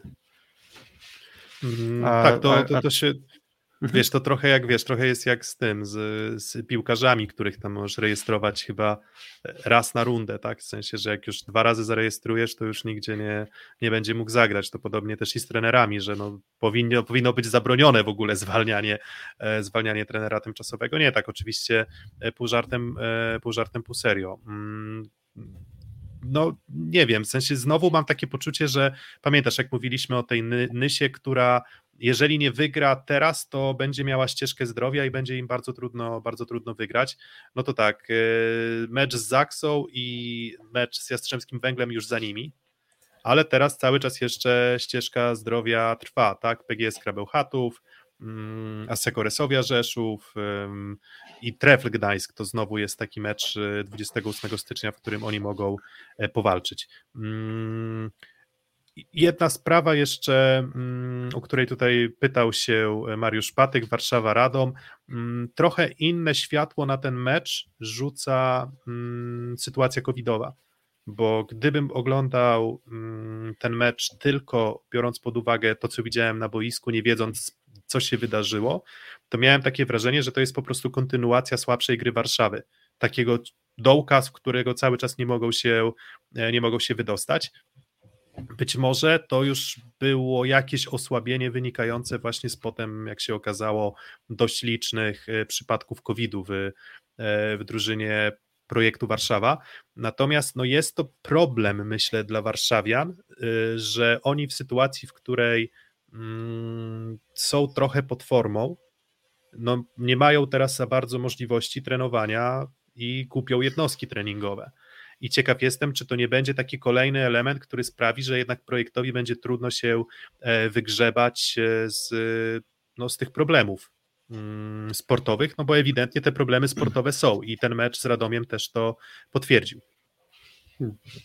Dokładnie, to też moją perspektywę właśnie zmieniła informacja o późniejszych zakażeniach w Warszawie, właśnie ten wynik meczu z Radomiem. Ja w ogóle jeszcze to spotkanie słabo pamiętam, muszę Ci powiedzieć i pamiętam na pewno, że świetne wejście Pawła Rusina i chyba sześć asów serwisowych, co między innymi Dokładnie. odwróciło to spotkanie i chyba dość słabo w spotkanie wchodził Rafał Faryna, a pod mhm. koniec już był niezłym punktem y, ekipy radomskiej. Mm, tak, dokładnie, szczegółów już więcej nawet okay. nie będę sobie próbował przypominać, więc, y, więc na tym chyba Dobra. przestanę.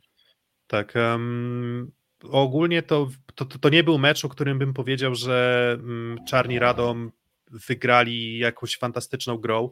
Trochę przypomina mi się mecz właśnie, który Midyk Pola ZS Olsztyn też urwał punkt yy, projektowi Warszawa.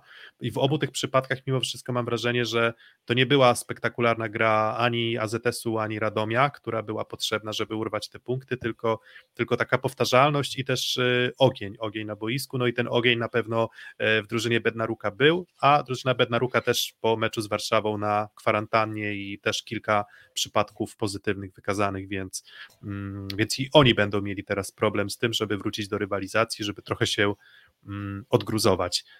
Ostatnia myśl to i kończymy, tak jak mówiliśmy, że tam miało być godzina, ale będzie trochę krócej. O, ktoś tam napisał na czacie, że mieliśmy godzinę rozmawiać po tym naszym blisko półtora godzinnej czacie, rozmowie z, mm, z Kamilem Składowskim, no to mecz grupa Azoty Zaksa kontra e, Civitanowa Lubę, mecz, który w normalnych warunkach byłby, myślę, arcydziełem siatkówki, byłby wielkim przysmakiem, ale teraz wydaje się, że to może być jednak e, nie chcę mówić, że mecz nieemocjonujący, czy mecz, w którym mm, będziemy narzekać na, na poziom sportowy, ale na pewno obie drużyny przystępują trochę zranione, albo jeżeli chodzi o skład, albo jeżeli chodzi o, o, o formę też części zawodników.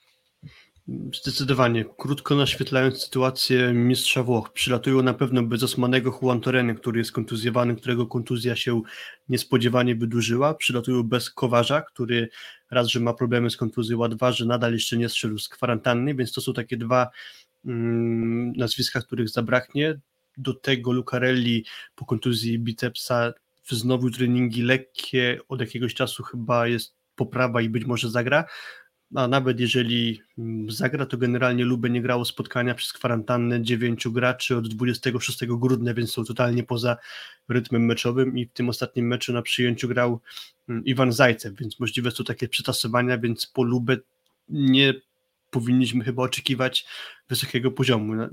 Pewnie nie jest wykluczone, że może zagrają dobre spotkanie, ale, ale na pewno Zaksa dla mnie jest faworytem tego meczu, zwłaszcza, że tam aż tylu problemów, co ma Lubę, nie było, no bo w zasadzie to, że oni zagrali jeden mecz ze Staszewskim na libero, to chyba aż tak dużej różnicy im nie zrobi.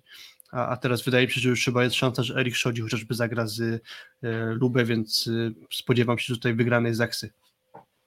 Mm, dla mnie dokładnie, to jest dokładnie tak, jak mówisz. W sensie ja, ja też mam takie poczucie, że mm, Zaksa powinna być faworytem i to chyba jest też odzwierciedlone w, mm, w, w kursach w kursach, tak? tak się wydaje, tak.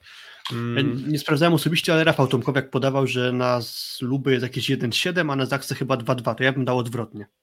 Tak, ja też, też tak uważam, nie, nie, nie skreślam Lubę, bo, bo, bo, bo nie I, i też no nie wiem do końca w jakim składzie zagra grupa Azoty Zaksa, ale, ale no stawiam, że akurat to, to, to, to Polacy są, dzięki też meczowi rozgrywanemu siebie, myślę, że oni są faworytem. Tak, u znaczy, siebie, może, u siebie, może u siebie czymś, w Gliwicach. Może ja po tylko czymś nie wiem, bo tak w sumie trochę wyrzucasz nie, w nieoczywisty sposób, że nie wiadomo w jakim składzie zagra Zaksa.